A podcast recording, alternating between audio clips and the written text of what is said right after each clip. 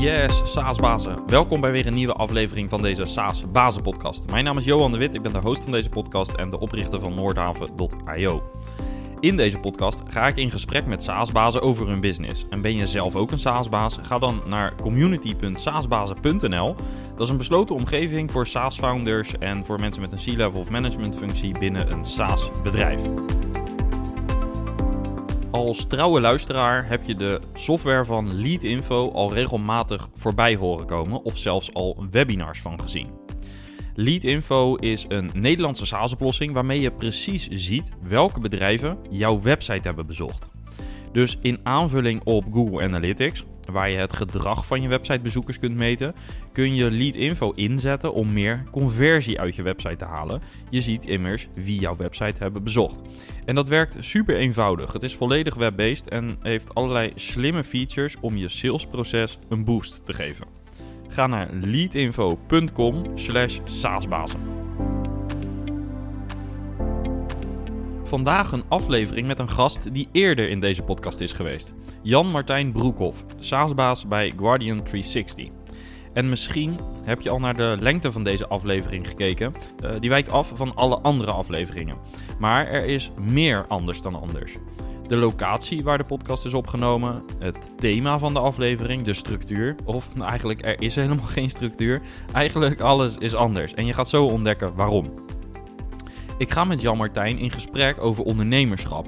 En dan vooral over alles wat te maken heeft met persoonlijke struggles op het gebied van rust zoeken, balans en uh, ja, het vinden van rust in een vaak hectische wereld. In het ontsnappen uit de red race waar we soms in zitten. Over de KPI-cultuur, over de numbers game, over de betekenis van ons werk. Over aanhoudende zoektocht naar verbetering en optimalisatie.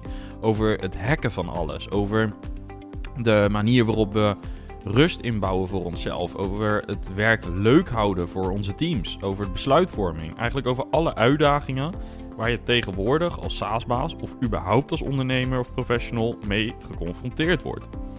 En hoe kwam dit gesprek tot stand? Jan-Martijn en ik spreken elkaar regelmatig en onlangs kwam er een interessant gesprek op gang over de red race dus, waar we, zoals we die soms ervaren. Want we hebben beide enorm veel passie voor wat we doen en Jan Martijn is er samen met zijn compagnon en team in geslaagd om een schitterend bedrijf neer te zetten. Maar we vroegen ons wel af: slaan we soms niet wat door in de KPI-dashboards en hebben we wel genoeg oog voor de menselijke kant? We besloten een open gesprek aan te gaan en dat is wat je vandaag hoort. Niet gescript, geen mooi verhaal, maar echt een kijkje in de ziel zou je bijna kunnen zeggen. En ik realiseer me heel goed dat deze aflevering niet iedereen zal aanspreken en anderen misschien juist des te meer. Misschien zijn er bepaalde opvattingen die ik in deze uh, podcast deel, uh, zijn misschien niet de jouwe. Misschien zie je het anders. Of roept het juist heel veel herkenning op. Met welk oor je ook luistert, Jan Martijn en ik wilden een open gesprek hebben omdat we, uh, het onszelf helpt om actief te blijven nadenken over alles wat ons drijft en wat echt belangrijk is. En we, zijn we willen dat vooral met jou delen. Dus haal je iets uit de podcast, heeft een quote of thema je aan het denken gezet? Of wil je juist een tegengeluid laten horen? Elke feedback en elke reactie is van harte welkom in de reviews. Maar ook via LinkedIn of persoonlijk als je mijn contactgegevens hebt. Uh, zelf heb ik meer vragen dan antwoorden. Ik uh, zeg zeker niet dat ik uh, de wijsheid in pacht heb. en ik blijf ook op zoek naar de balans tussen businessresultaat en menselijkheid. Ik blijf op zoek naar manieren om vooruit te gaan. En tegelijkertijd oog te houden voor duurzaamheid in, in uh, beslissingen die ik neem. Kortom, ik hoop dat je er iets aan hebt. Ik hoop dat het een idee bij je oproept. Uh, dat het resoneert. En uh, als het wel het geval is, deel het. Is het niet het geval, deel het ook. Want op die manier lijkt het me ontzettend gaaf om het gesprek op gang te brengen. Om ook oog te krijgen voor en te houden voor zaken die misschien niet in de alledaagse gesprekken een plaats krijgen. Goed, laten we naar het gesprek gaan. Let's go!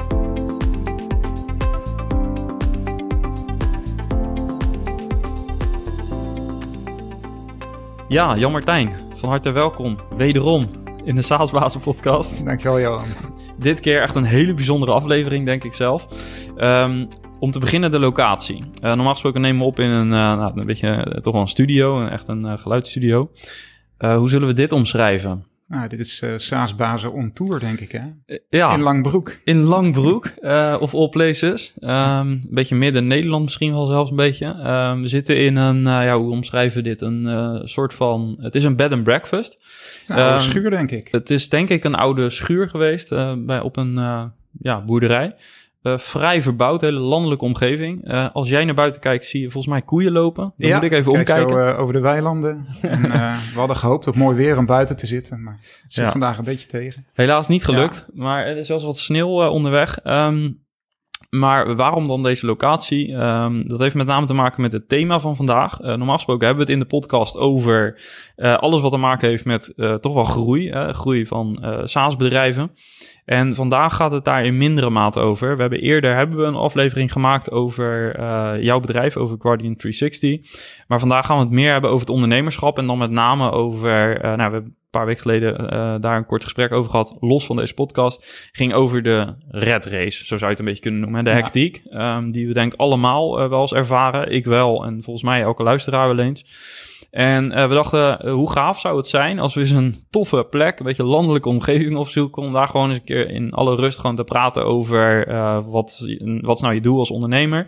Um, en hoe zorg je voor een beetje balans, als dat überhaupt kan. Ja. hoe schep je soms een beetje orde in de chaos, want ik denk dat iedereen die chaos ook wel eens, of die dat wel eens ervaart. Um, en misschien is het goed om daar ook gewoon um, eens mee te beginnen. Uh, en dan gaan we kijken waar het gesprek ons verder gaat brengen. Je leidt een SaaS-bedrijf um, wat stevig groeit met internationale ambitie. Um, dat, uh, we hebben het vorige keer over gehad, dat uh, zorgt natuurlijk voor hele gave avonturen, super veel energie. Uh, gaaf als je ziet dat je teamleden steeds, dat, dat, dat het groeit en dat je team groeit en dat de, de teamleden ook als persoon groeien. Maar op sommige momenten kan het wel eens een beetje overweldigend zijn. Hè? Um, ja, dat klopt, ja. Hoe zorg jij voor een bepaalde rust in nou, de hectiek die je soms zakelijk uh, ervaart. Ja, hoe ik dat inmiddels doe. Goeie vraag. nou ja, het, het, nadeel van SaaS is dat er altijd werk is. Hè? Dus uh, je kunt altijd door met software bouwen. Dus kijk naar onze backlog. Er zijn uh, nog een paar honderd dingen die we willen doen. Dus je kunt op elk willekeurig moment kun je laptop openklappen en kun je dingen bouwen. Zou ik dat ook aan mijn team kunnen vragen? En ook als je met partners samenwerkt of als je aan het bouwen bent aan je bedrijf. Ja, er is altijd iets te doen. Dat klopt. En uh, ik heb zelf ook wel de, ja, in de eerste fase gewoon elke avond gewerkt, uh, zaterdag gewerkt. En op een gegeven moment wel tot de conclusie gekomen dat dat gewoon niet houdbaar is. Nee, je, uh, je vreet gewoon aan je eigen energie. Uh, de balans is helemaal weg. En je moet gewoon zorgen voor rust. ook omdat je daar juist weer creatiever van wordt. En ik heb ook al regelmatig s ochtends mijn laptop opengeklapt dat ik mailtjes zag van half elf de avond daarvoor. Dat ik dacht, oeh, er zitten toch heel veel taalfouten in of uh, hè, dingen die niet kloppen. Um, hoe ik tegenwoordig het doe. Ja, in, de podcast had ik eerder al verteld over het 404 moment. Hè? Dus uh, gewoon even afwezig zijn een uurtje. Inmiddels heb ik dat echt structureel gepland in mijn agenda. Dus elke middag tussen 1 en 2 is echt een, uh, ja, een geblokt moment. Plan ik geen afspraken. En ga ik lezen of wandelen of iets ontspannends doen. Ik heb daarvoor al een, een hele ochtend gehad eigenlijk. En de rest van de middag ligt nog voor me. Dus het is echt wel even zo'n rustmoment. Eh, wat heb je nodig gehad of wat moest er gebeuren om dat rustmoment zo dedicated elke dag in te bouwen? Nou, vooral het besef dat als ik het niet doe, dat niemand anders het voor je doet. Dus als je eindverantwoordelijk bent, ja, er zijn al eens mensen die tegen je zeggen: let op je rust of uh, werk niet te hard. Maar dan zeg je ja, ja, ja. Ja, als ik naar mezelf kijk, denk ik ja, uh, dankjewel. Uh, dat is vast goed bedoeld, maar ik heb nog heel veel te doen. Dus ik ga nog even lekker door. En ik merkte gewoon dat mijn energieniveau gewoon daalde en ook niet meer terugkwam. Ja. dus ik dacht, ik word ouder, misschien heeft het daarmee te maken. maar nee, de balans was gewoon weg. Ja. ja. Um, het is misschien interessant om te hebben dan over de prijs van het te druk zijn, te veel doen. je gaf zelf al aan, ik zag foutjes erin ja. sluipen in bijvoorbeeld mailtjes.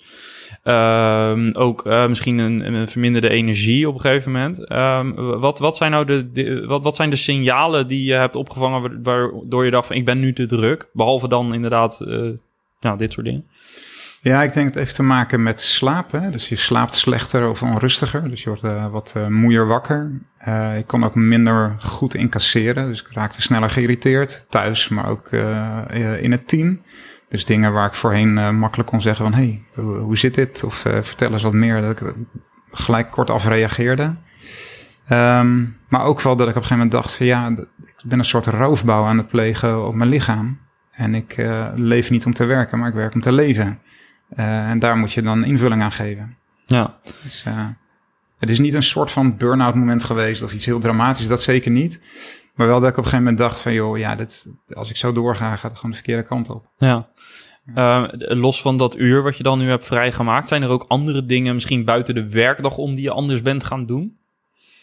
Ja, ik was sowieso door corona veel meer gaan wandelen. Dus uh, met mijn vrouw samen, elke avond na het eten, uh, als het weer een beetje toelaat. Dus dat helpt, hè, dat je uh, gewoon lekker buiten bent. Ik ben ook gestopt met s s'avonds te werken. Nou, helemaal? helemaal? Nou ja, terwijl ik het zei, dacht ik ook, okay, dat, dat, is niet helemaal waar. Als het aan je vrouw vraagt, is het niet helemaal waar. nou, het is wel tegenwoordig meer een uitzondering dan echt een, een gegeven. En, en maakt het dan ook nog uit dat je ander type werk doet s'avonds? Of maakt het niet zoveel uit? Uh, nee, dus uh, nou ja, goed, weet je, ik lees soms wel dingen die ook voor mijn werk interessant zijn. En uh, natuurlijk lees ik af en toe wel eens een e-mailtje of beantwoord ik een berichtje. Maar het is niet meer dat ik gepland heb tussen zeven en half negen s'avonds om nog eens een keer een, weet ik veel, een contract te schrijven. Of ik heb eigenlijk alleen nog de zaterdagochtend waar ik dat wel op doe. Dus de hele week verzamel ik dingen waar ik even geconcentreerd aan moet werken. Dat doe ik op zaterdagochtend. Maar eigenlijk de afgelopen weken heb ik, uh, nou, ik denk vier van de vijf avonden door de week heb ik niet gewerkt. Ja. Wat heeft dit je gebracht? Nou ja, dat ik denk, uh, ik denk dat ik thuis ook wat uh, leuker ben. Hè? Dus dat ik niet alleen fysiek thuis ben, maar ook mentaal aanwezig. Um, ja, het brengt ook een rust. Um, ik lees meer en daardoor doe ik ook weer nieuwe inspiratie op. Um, en het zorgt er ook voor dat ik gewoon veel beter plan eigenlijk. Ja. En, en heb je ook een voorbeeld van een bepaald idee? Uh, dat kan ook in de business zijn, of misschien zelfs daarbuiten. Uh, wat je nu wel, wat nu wel opkomt, wat misschien in het verleden niet gebeurde. Of een bepaald project waarvan je zegt van nou, normaal gesproken had ik dat, die scherpte eigenlijk niet gehad om dat te zien. En nu heb ik daar wel de ruimte voor. Ja, als ik kijk naar ons team, dan um, had ik de indruk van Guardian 360 dat wij een hele veilige werkomgeving waren. Hè, waar iedereen wel gewoon zich uitsprak. En als hem iets niet aanstond of als hij een uh, bepaald idee wilde challengen, dat hij dat wel vertelde nou, bleek toch eigenlijk toch nog niet helemaal zo te zijn. dus we waren best wel goed op weg. Er was best wel veel openheid en ook uh, nou, er was best wel goede en eerlijke feedback naar elkaar. Maar toch was niet iedereen uh, zover dat hij helemaal het achterste van zijn tong liet zien. Of dat hij echt durfde te zeggen, uh, ja, altijd wat hij dacht of wat hij voelde. Um, nou, juist door weer even wat afstand te nemen en ook over die onderwerpen te lezen, ben ik dat meer gaan signaleren. Ja, en dat is iets wat uh, je bent daarover gaan lezen in de tijd die vrij kwam, waar je normaal gesproken werken. Ja, ja oké. Okay. Ja. Um, ja, ik hou niet zo van het mensen die zeggen, ja, je, je kunt werken in je bedrijf en aan je bedrijf. Eh, dat is voor mij, ja, is die scheiding niet zo.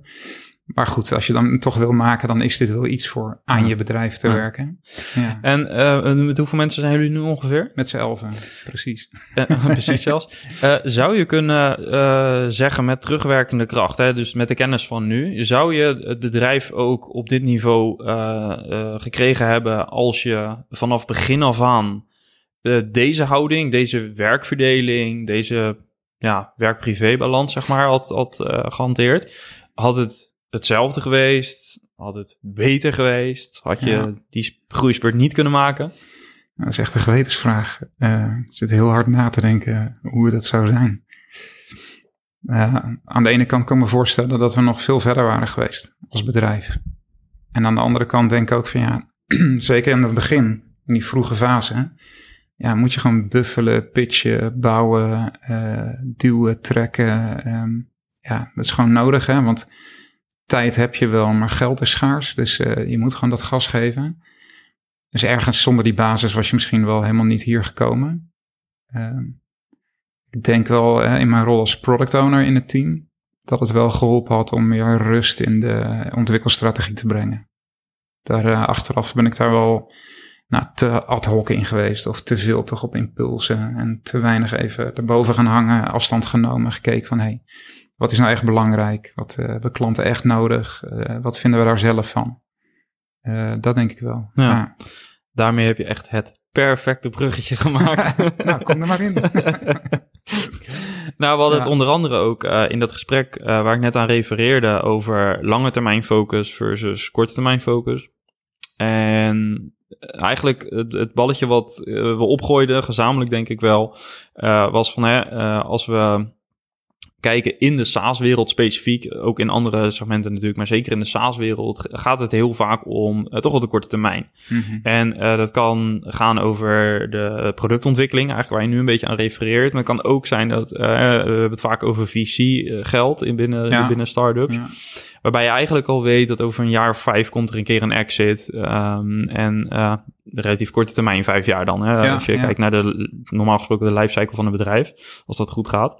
Um, versus echt het lange termijn denken. En ik um, stuitte pas op een principe wat even oud is. En uh, misschien daarom ook helemaal niet meer realistisch. Hè? Dus misschien moeten we daar gewoon eens over hebben. Maar dat gaat over cathedral thinking. En het, mm -hmm. de gedachte daarbij is eigenlijk hè, mensen die uh, heel lang geleden in de middeleeuwen een kathedraal gingen bouwen. De mensen die daaraan begonnen, die wisten al op dat moment, ze zullen nooit het eindresultaat zien. Dus je bouwt eigenlijk aan iets wat multigenerationeel, zeg maar, is.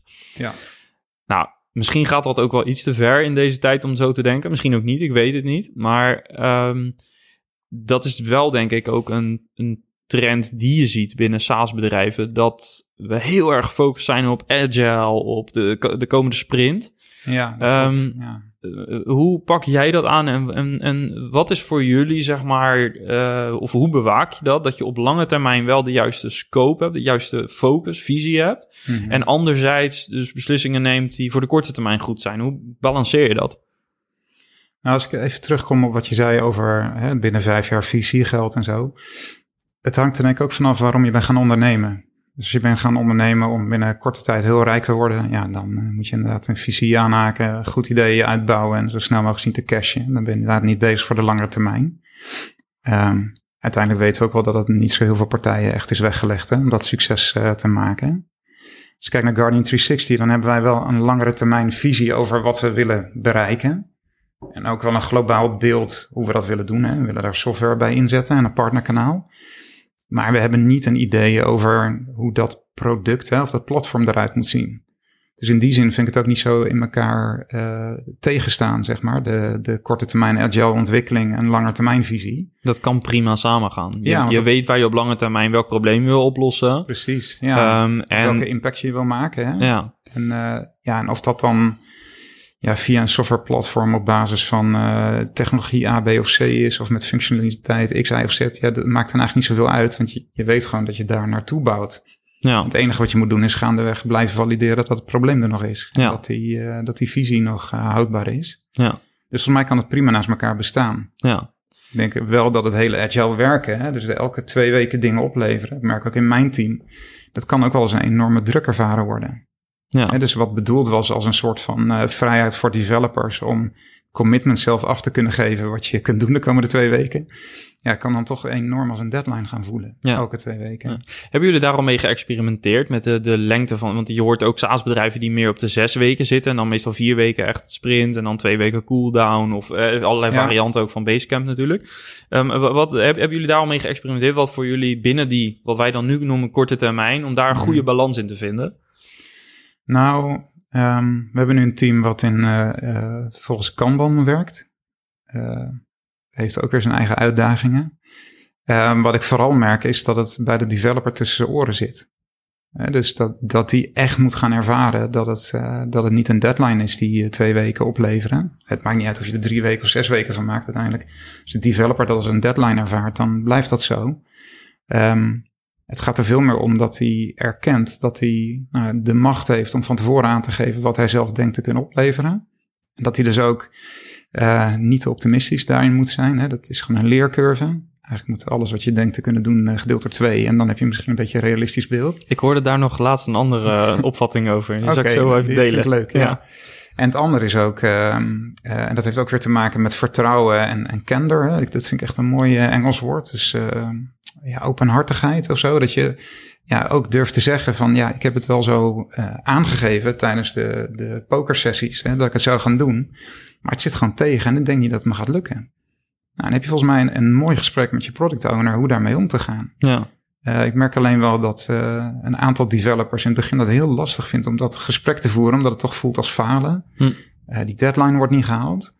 Terwijl ik denk, nou ja, in ons team ze inmiddels nu wel doorhebben van als je dat gesprek gewoon voert. Ja, weet je, als het leven helemaal voorspelbaar was, dan was het makkelijk. Ja. Ik snap ook wel dat als je op maandag iets belooft, dat het niet zeker is dat je het op donderdag oplevert. Ja. En is, het ook, is dit ook die veiligheid die je net bedoelde? Dat je de rust die je hebt ingebouwd in de afgelopen periode, dat je er eigenlijk achter kwam van, ja, we, we doen best wel prima, maar het is misschien niet altijd zo veilig um, als we zouden willen. En dat men nu inderdaad voelt, hey, er is ruimte om inderdaad te zeggen van, we dachten twee weken, maar het wordt drie. En dit is de reden. En... Ja. Ja, we zijn er nog niet helemaal, maar ik zie wel dat er een hele positieve ontwikkeling gaande is. Ja. Dat klopt.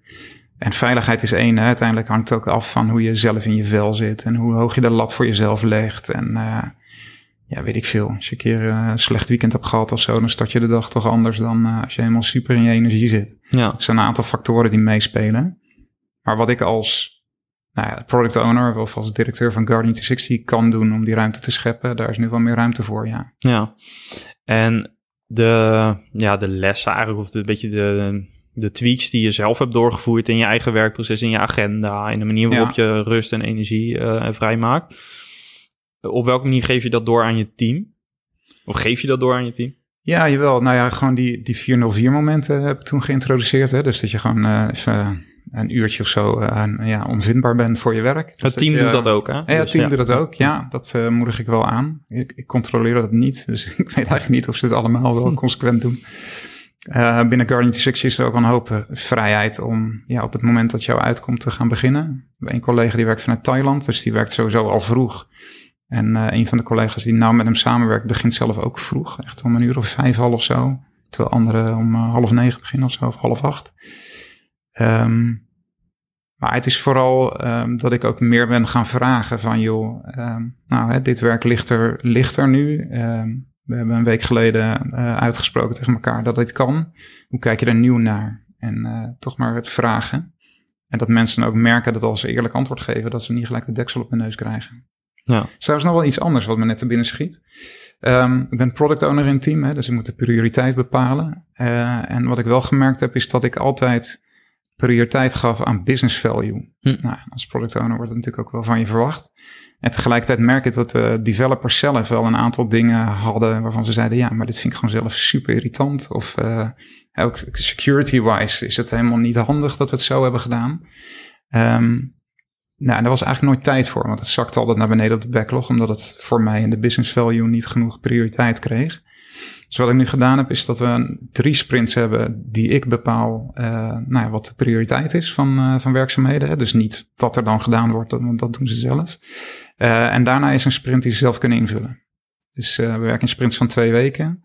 Dus na zes weken dus is er een sprint waarin ze zelf kunnen ja, bepalen wat ze doen. Ja. Dat geeft ook weer nou ja, vrijheid en rust. En dat je de dialoog weer anders voert. Ja.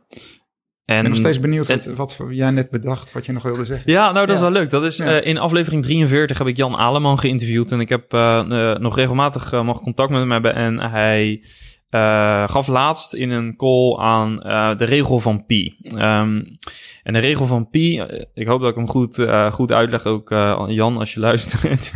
Um, op het moment dat je iets gaat ontwikkelen, software gaat ontwikkelen, doe de verwachtingen gedeeld door pi. Um, de tijd waarin het klaar is, keer pi. En de kosten keer pi kwadraat. ja. En dan zit je redelijk goed qua inschattingen. omdat nou, hij doet dit al heel lang. En uh, hij zegt van dit is ongeveer wel wat ik in de praktijk heb meegemaakt en zie. Niet alleen bij eigen projecten, maar eigenlijk overal. Ja. Dus de, jij, jij zei keer twee volgens mij. Ja, ik deed, ik zei door de, door de helft. Dus ja. wat je denkt te kunnen opleveren door de helft. Ja, precies. Ja. ja. Uh, nou, ja. als je deze regel hoort, uh, resoneert het een beetje? Nou ja, wel in die zin dat je gewoon altijd uiteindelijk minder doet dan dat je vooraf denkt. Hè? Dus kennelijk zijn we als mensen toch wat optimistisch en uh, denken van ja, dat zat toen wel tegen, maar ik heb daar nu van geleerd, dus nu gaat het niet tegen zitten. Nee, natuurlijk zit het altijd tegen. Er zit wel weer iets anders tegen dan. Ja, ja precies. Ja, ja. En um, kijk, ergens zijn developers zijn ook natuurlijk artiesten. Hè? Het zijn niet uh, lopende bandmedewerkers. Het is geen lineair werk altijd. Nee, natuurlijk. nee. Er zit een creatief proces zit erin. Er is uh, enorm veel samenhang en ik merk ook, uh, wij werken best wel nauw samen met elkaar in de teams, tenminste developers met elkaar. Uh, maar dat zorgt natuurlijk ook weer ergens voor een stukje inefficiëntie. En die efficiëntie pak je pas later, doordat er minder bugs zijn en meer mensen de code kennen. Ja. Maar op korte termijn kost het gewoon meer tijd. Um, ja, dus nou ja, pi, uh, pi in het kwadraat, schrik ik even van. Die is wel heel heftig. ja. ja. het zou goed kunnen, ja. ja. ja. Nou, kijk, eh, als je, als je kijkt naar uh, bijvoorbeeld het lopende bandwerk, wat je nu zei. Kijk, ergens zal het 100 jaar geleden bedacht zijn. Hè? Henry Ford, geloof ik, die dacht van... Hè, als, als we nu deze lopende band hebben en we, zetten, we maken er twee van... en we zetten hem anderhalf keer zo snel... dan wordt de output keer twee, keer anderhalf. Dus allemaal best logische rekensommen. Alleen vandaag de dag is natuurlijk heel veel werk, eh, met name kenniswerk, wat development mhm. natuurlijk ook wel is, eh, is uiteindelijk natuurlijk niet echt altijd lineair, of meestal niet zelfs, denk ik. En um, wat ik, dat is een uitstapje, maar wat ik daarin um, zeker bijvoorbeeld in de markt als accountancy vaak zie, bij accountancy gewoon x percentage declarabel zijn. Ja. Um, en echt gewoon, ja, je moet bijna een machine zijn. En dan is de vraag, uh, je kunt wel zoveel procent declarabel zijn, maar wat is de kwaliteit van je werk dan? En natuurlijk kan je bij, ja, als je loonstrookjes draait of weet ik veel mhm. wat, dan zal dat misschien niet zo super belangrijk zijn. Maar ik denk toch wel dat, of althans belangrijk, maar is de foutmarge misschien zo klein dat dat niet heel veel meer uitmaakt. Maar uh, ja, onderaan de streep, wat is dan de voldoening voor zo iemand? En waar zit dan de creativiteit? Want je noemde het net zelf al, de creativiteit komt vrij als je iets meer rust in je hoofd hebt. Ja, ja, zeker. Dat, is, dat vind ik wel een trend. En daar komt ook wel, denk deels dit gesprek zelfs vandaan. Dat ik wel eens in de markt zie dat er zoveel druk staat op. Uh, ook het continu het meten. Heel veel dingen die je kunt meten zijn niet mhm. per se altijd de moeite waard. Sommige klanten vragen echt om dashboards met 48 KPI's. Terwijl ik dan denk, ja, ja. je kan 48. Maar ja. weet je, wat, zijn, wat, wat is nou echt de essentie? Wat is nou, eh, je hebt dan ook de North Star metric, zeg maar. Dus één metric waarin je, waarin je echt kan zeggen, als die, als daar goed zit, dan, dan gaan we als business ook goed. Moet het altijd zo gestuurd op de cijfers. Natuurlijk, wij hmm. maken heel veel marketingcampagnes, dus dan is het inderdaad super fijn om ook naar de kleine details in een conversie te kijken. Want op sommige campagnes kan je met 1% conversieverhoging kan je echt gigantisch veel resultaat pakken. Uh, nou, ik zal eerlijk toegeven dat ik daar heel hard op ga. Want dat vind ik fantastisch als ik dan inderdaad met die ratio's aan het spelen ben. Ja, dat, daar kan ik me echt helemaal in verliezen. Maar tegelijkertijd, als je dan weer even uitzoomt en aan het eind van de dag in je auto zit en denk van ja, ja, het is wel heel gaaf, maar mis ik hier niet iets? Mis ik niet het grote plaatje? Zit ik niet te veel op, op, de, op microniveau? En zou ik mhm. niet gewoon eens in, niet, niet in, in, in een week percentage moeten kijken? Maar moet niet gewoon gaan kijken van wat zou dit doen als ik echt impact kan hebben wat een jaar lang uh, impact... Weet je, dat, dat soort dingen, dat, dat mis je wel eens door dat zoveel op de korte termijn zich afspeelt. En op die details uh, in te zoomen. Ja. ja. De vraag is ook een beetje, hè, waar, waar is de menselijke maat dan in dingen? Ja. En... Uh, ja, ik kan me voorstellen als je, weet ik veel, online marketingcampagnes, uh, als je daar de KPI's zo van bijhoudt, ja, dat is volledig geautomatiseerd en daar heb je misschien de menselijke maat niet zo te pakken. Maar als je het hebt over uh, menselijke performance, hè, of burn-down charge en ja, op een gegeven moment moeten we niet uit het oog verliezen dat bepaalde tools echt een hulpmiddel zijn in plaats van een doel. Ja. En dat, dat is vaak een, ja, het probleem. KPI's worden een doel. Ja. In plaats van dat het je helpt om bepaalde trends te zien of nou, te signaleren dat iemand even niet zo lekker in zijn vel zit of zo. Hè? Of, ja. ja. goed, dat is niet altijd het beste voorbeeld. Daar praat je gewoon over met mensen. Nee, nee, nou, ja, nee maar dat is de vraag, hè? Want je zegt dat nu, maar ik, nou, niet alleen ik. Ik denk dat er best wel veel bedrijven ook meemaken dat doordat je zo geobsedeerd bent door bepaalde KPI's op menselijk vlak, op menselijke performance, dat uh, als je, je kan dat ook verkeerd interpreteren. Nogmaals, je kan het ook goed interpreteren. Je kan inderdaad ook het, het gebruiken als aanleiding voor een gesprek. Maar um, ik denk wel dat de, de dashboard mentaliteit, om zo maar te noemen, dat die er vaak mhm. ook wel naar neigt om heel erg te zitten op, ja, maar de, de declarabiliteit moest X zijn. En nou is dat in SaaS-bedrijven weer wat minder, hè? dat is meer de accountancy-markt. Maar um, de menselijke maat is denk ik wel echt, um, ja, volgens mij zeker met de druk die we al ervaren bij SaaS-bedrijven, waarbij je toch vaak snel moet groeien om mm -hmm. uh, de markt voor te blijven. Dat als je dan ook nog merkt dat jouw performance continu onder druk staat, ja, dan kan ik me wel voorstellen dat mensen soms denken, ja, oké, maar wat is uiteindelijk, waar leidt dit dan toe? Ja, dat is een goeie. Ja, moet ik zeggen, het heeft denk ik ook gewoon te maken met onze drang naar meer winst. Hè? Dus uh, hogere winstgevendheid, uh, business case denken in alles. Maak me er zo ook schuldig aan. Hè? Maak al heel snel business cases. Ja. Um, tijd om te lummelen, of um, dat, dat is er eigenlijk bijna niet meer. En dus uh, R&D-tijd, dat moet echt, nou ja, vrijgemaakt worden. Terwijl vroeger, als je kijkt bij Philips, dat is helemaal niet zo vroeger, misschien 50 jaar geleden.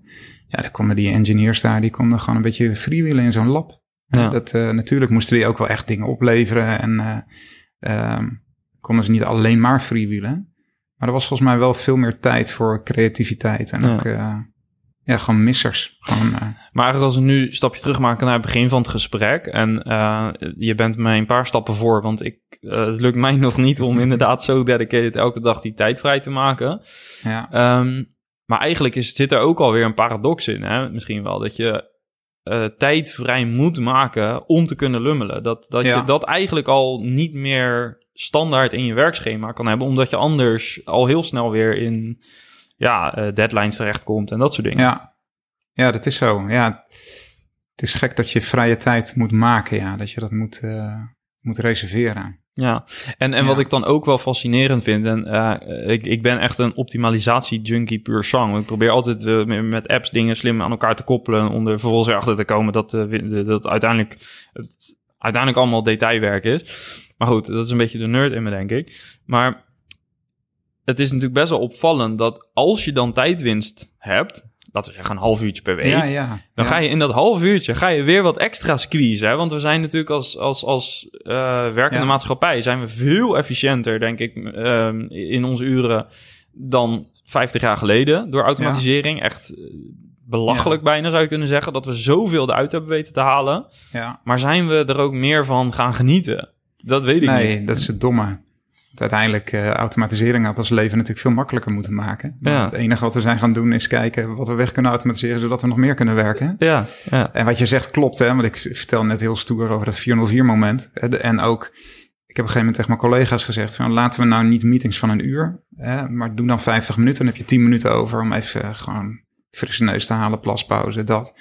Maar zelf uh, plan ik consequent bellenspraak in die 10 minuten. Ja. Het, het is ook een soort van, nou ik noem wel eens een genetisch defect. Het komt ook, dat komt ook niet echt uit mijn systeem. Ik snap ook niet zo goed waarom dat is. Regelmatig aan het einde van de dag denk ik van, nou, mijn hemel, heb ik dit nou weer kunnen doen? En toch uh, lukt het me niet om dat te veranderen. Ja. Uh, en dat uurtje vrij, dat dan weer wel. Dus, hm. nou ja, misschien is dat gewoon mijn manco wat ik op die ja. manier compenseer. Maar het is ook, en misschien klink ik nu in dit gesprek ook als uh, vol komen, uh, weet je, met heel veel tegenstellingen. En dat is denk ik ook zo. Ja, want ik voel heel veel, heel veel tegenstellingen, ook bij mezelf. Want enerzijds ja. vind ik het heerlijk als ik... Ik begin vaak ochtends om vijf uur, soms zelfs nog iets eerder. Um, en ik werk in principe tot twaalf uur. Probeer ik zoveel mogelijk mijn, mijn echte werk te doen. Uh, wat, wat je dan kan zien als echt werk. en dan in de middag heb ik tijd om meer creatieve dingen te doen en dat soort dingen. Um, en ik vind het heerlijk als ik inderdaad nog even zo'n telefoontje tussendoor ergens heb kunnen doen. Ja. Of ik heb toch nog iets kunnen doen wat eigenlijk, nou ja, normaal gesproken niet op mijn to-do-list, op mijn must-do-list stond. Uh, dus ergens geeft het ook heel veel, misschien is wel dopamine of zo, ik weet niet wat het precies is, maar het, komt, het geeft heel veel voldoening. En aan de andere kant, als je echt uitzoomt, als ik mezelf letterlijk wel eens, dan denk oké, okay, maar al zou ik mezelf nu zien zitten en ik heb me, mezelf een dag gevolgd, een beetje sneu achter mijn computer heel de dag. Echt als een gek. En, Bitjes verplaatsen ja, de hele tijd. Ja, ja, ja, ja, dat niet eten, niet drinken. Ja, ja dan ja. ziet het er eigenlijk misschien ook wel een beetje sneu uit. Dus uh, wat dat betreft heb ik nog heel veel te leren uh, op dat vlak. Ja, het is misschien ook wel dat we onze voldoening halen uit produceren of zo. Hè? Of, of voor andere dingen doen. En dat het veel minder is in de, in de fijne, fijne zinnige dingen of zo. Of ja, kunstzinnige dingen of zo. Echt, als je nu uh, overdag uh, loopt te lummelen, dan voelt het bijna als spijbelen. Dat heb ik ja. begin ook wel gehad. Ja. Ik dacht, ja, maar het is gewoon werktijd. Het slaat natuurlijk nergens op, want de rest van de tijd die je in privé-tijd werkt, dat zou dan geen werktijd moeten nee. zijn eigenlijk. Uh, maar misschien zijn we daar ook gewoon te ver in doorgeslagen dat we pas dat het pas zin geeft op het moment dat we andere mensen blij maken of als we ja, iets produceren. Ja. Dat heeft ook te maken denk ik met zichtbaarheid of zo. En dat als je iemand belt of nou, een mailtje stuurt, ja, er is toch weer een momentje dat je even zichtbaar bent. Dat je echt wel heel druk bezig bent. Ja, ja speelt misschien ook nog wel een rol. Ja, maar dat met die metrics en KPI's, dat herken ik wel. Daar heb ik zelf ook een, uh, wel een haat-liefde verhouding mee. Want aan de ene kant maakt de dingen wel heel erg objectief. Hè? En kun je ook ja. met elkaar op een objectieve manier het gesprek voeren. Ook als je het hebt over, nou ja, hoe presteren mensen en je kunt veel meer weghouden van jouw gevoel over die persoon. Ja. Hè? Want alle, alle beslissingen die je neemt zijn natuurlijk gewoon zwaar beïnvloed, uh, terwijl je dat niet wil toegeven. Uh, nou, als je daar nog wat data in kan brengen, dan uh, kun je het gesprek wat objectiever voeren. En tegelijkertijd zorgt het ook voor dat mensen enorme prestatie, prestatiedruk voelen. Ja, ja. klopt. Ja, ja het blijft fascinerend om, want, want het, het is zo'n soort van grijs gebied. Het is, je hebt het enerzijds nodig en aan de andere kant moet je dus continu weer die balans bewaken dat je er niet in doorslaat. En, en andersom ook, hè, want er zijn heel veel dingen die zijn gewoon niet zo meetbaar, maar die zijn super, uh, super belangrijk. Uh, en ja. Uh, de, ja, ik denk dat dat wel een beetje uit het hele metric verhaal, dat dat voor mij wel eens een beetje knel zit. Dat denk ik van ja, ik vind het fantastisch om inderdaad te tweaken in die laatste paar procent, maar als het wat, echt over de wat mensen. vind je belangrijk wat niet meetbaar is? Wat, uh, heb je daar een voorbeeld van? Nou, kijk, wij hebben natuurlijk niet een typische SaaS-business, maar een consultancy-business. Uh, mm -hmm. Als het bijvoorbeeld bij ons gaat over, uh, uiteindelijk zou het bij ons moeten hebben over declarabiliteit, hè, onderaan de streep. Als je kijkt naar het ja. businessmodel. Alleen uiteindelijk, wat ik net zei over die developers, is bij ons misschien nog wel meer van toepassing. Ik kan soms uren nadenken over een growth hack of whatever. Iets wat, zeg maar, de, mijn klant verder moet helpen. En als ik het niet heb, dan heb ik het niet. Dan kan ik er ook mm -hmm. nog vier uur over gaan doen. Maar dat. dat en, en, en dan zou het heel frustrerend. Hè? Ik ben dan gelukkig zelfstandig daarin. Maar het zou voor mij heel onrechtvaardig voelen. als ik door een uh, werkgever of een leidinggevende. daar dan op afgerekend zou worden. Want het andere moment heb ik misschien in mijn vrije tijd. terwijl ik op mijn racefiets zit. in 20 ja. minuten bedenk ik het briljante idee. en valt het kwartje. En dat is een beetje. Uh, zeg maar in ons werk extra lastig. Dat, dat we daarom proberen om niet naar declarabiliteit van mensen te kijken. Hoewel je moet een beetje, want er zit ergens, zit daar natuurlijk de business case. Maar ja. het gaat erom van hoe kijk je naar uh, zeg maar de, de, de, de inspanning. Wat is uiteindelijk de deliverable die iemand moet leveren? En uh, wat is de kwaliteit daarvan? Dus meer de, de, de kwaliteit en, en ja, of iemand daar twee of vier uur over doet. Ja, dat is dan, dat moet je business technisch een beetje kunnen oplossen. En soms kan dat, hè, door te zeggen mm -hmm. van oké, okay, we, we, we gaan kijken naar een meer performance-based uh, afspraak ja. of iets dergelijks. Daar kom je altijd weer een beetje in de knel van ja, dan moet je wel invloed hebben op het hele proces. Dus er zitten heel veel haken en ogen aan om dit goed te kunnen beoordelen. Maar daar zit ja. wel een stuk van de druk die je eigenlijk wil wegnemen. Maar ik vind het wel opvallend. Terwijl, toen jij zei van ja, als dan uh, vier uur nadenken over een marketingcampagne of een growth hack, ja, dan denk ik ja, logisch. Met creativiteit kun je niet dwingen. Dus ja. ja. het kan best zijn.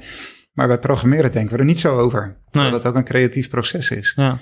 Um, dus ik zat ondertussen, terwijl ik naar je luisterde, dacht ik van ja, misschien heeft het ook te maken dat programmeren nog wel iets logischer is of zo. Hè? Dus je wil iets bereiken en de weg daar naartoe, die moet je nog bedenken. Maar er zijn best wel een hoop bouwstenen te vinden.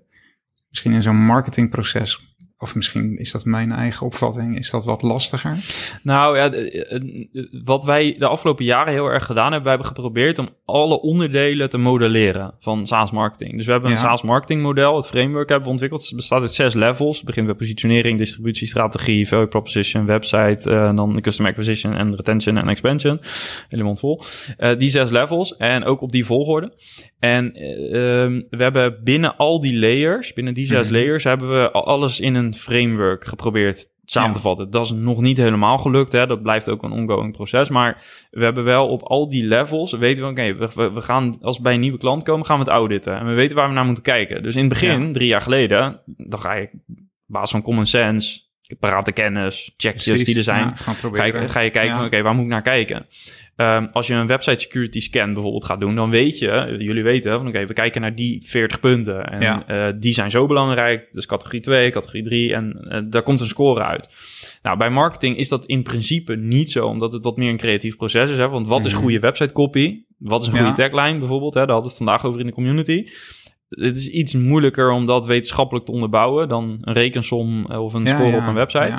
Maar tegelijkertijd blijkt dus wel dat als je dat gaat modelleren, dat je toch wel veel dichterbij komt en dat je veel minder cognitieve inspanning hoeft te doen. Tegelijkertijd is dat dus ook gevaarlijk, want wij hebben inmiddels hebben een soort van coachingstijl, zou je kunnen zeggen, die heel erg framework-based is. Dus voor bijna alles hebben we een framework, een template. En je kunt dus binnen ja. no time, binnen een dag, kun je echt heel veel auditen en heel veel uh, puntjes aanwijzen van, hey, dit zou je beter kunnen doen. Dat ja. vormt niet volgens de benchmark, of daar ligt het een beetje uit de pas. Dit gaat goed. Um, maar aan de andere kant heb je zeg maar 80% daarvan is wel oké. Alleen die laatste 20%, dat is, dat is creativiteit. Want Ja. elke casus is net weer iets anders. Dus je kan heel veel templaten, frameworken, modelleren en noem maar op. Maar er zit een stuk creativiteit in. En daar juist, juist dat is het onderdeel waar je dus eigenlijk niet meer naar de uren moet gaan kijken. Maar daar Mhm. moet je gewoon echt kijken van ja, wat is mijn opbrengst? Ja, maar die frameworks zijn dus ook het hulpmiddel Ja, en niet het doel. Ja, precies. Dat is altijd het tool, zeg maar, die Ja. je inzet om eh, iets. Maar, maar ehm, dan bijvoorbeeld, ik eh, gebruikte net de term hack. Mhm. Ook daar heb ik bijvoorbeeld een haat-liefdeverhouding mee. Want wij kijken heel vaak naar growth hacks. Eh, Zeg maar, hoe kan je met eh, weinig of slimme inspanningen, met veel minder budget dan je normaal gesproken via conventionele kanalen, hoe kan je Ja. dan eh, bijvoorbeeld met op het netwerk van iemand anders, hoe kun je snel een doorbraak creëren? Maar daar zit tegelijkertijd, we noemen tegenwoordig alles een hack, hè? Ik bedoel, alles is tegenwoordig een growth hack. Alles is een productivity hack. Ja, Maar ja, life eh, hacks. Ja, klopt. hacks, weet je. Ja. Maar, eh, uiteindelijk, onderaan de streep, we zijn beide ondernemer. Jij een stuk langer dan ik, maar we weten ook allebei wel. Je hebt je tegenslagen, je hebt momenten dat het supergoed gaat. Hoeveel invloed heb je onderaan de streep, weet je? Dat, Ja, natuurlijk heb je veel in, en natuurlijk kun je heel veel eh, met je, met je beslis, met je besluitvorming kun je wel sturen. Ook best wel een redelijke factor in, eh, ja, waar je niet altijd grip op hebt. ja, en de vraag is ook, eh, hoeveel moet je zelf nog beslissen eigenlijk als ondernemer? Ja, Hè, dus uiteindelijk eh, moet je team dat doen. ja. Of veel moet je team doen, denk ik. Zeker goed, in de weer fase waar je nu in terechtkomt.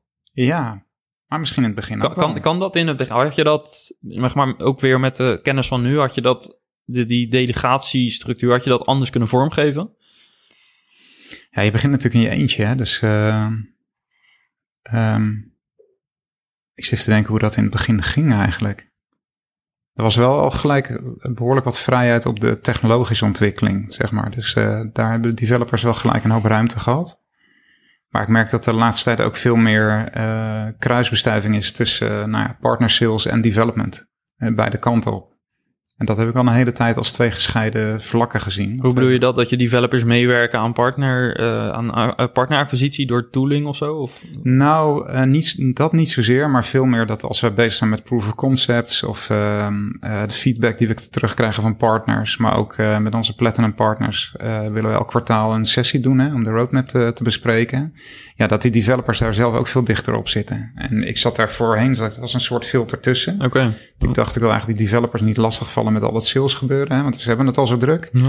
Eh, en eigenlijk blijkt dat ze het gewoon heel leuk vinden om te horen wat nou, ja, hoe nou klanten en partners reageren. Hè? En eh, tegen wat voor problemen zij nou aanlopen. En eh, zie je wel, ik wist het wel, hè, dat filter dat werkt ook een ruk. Dus nou ja, hopelijk krijgt het wat meer prioriteit nu van de product owner. Want Ja. er zijn nu ook drie klanten die daar problemen mee hebben.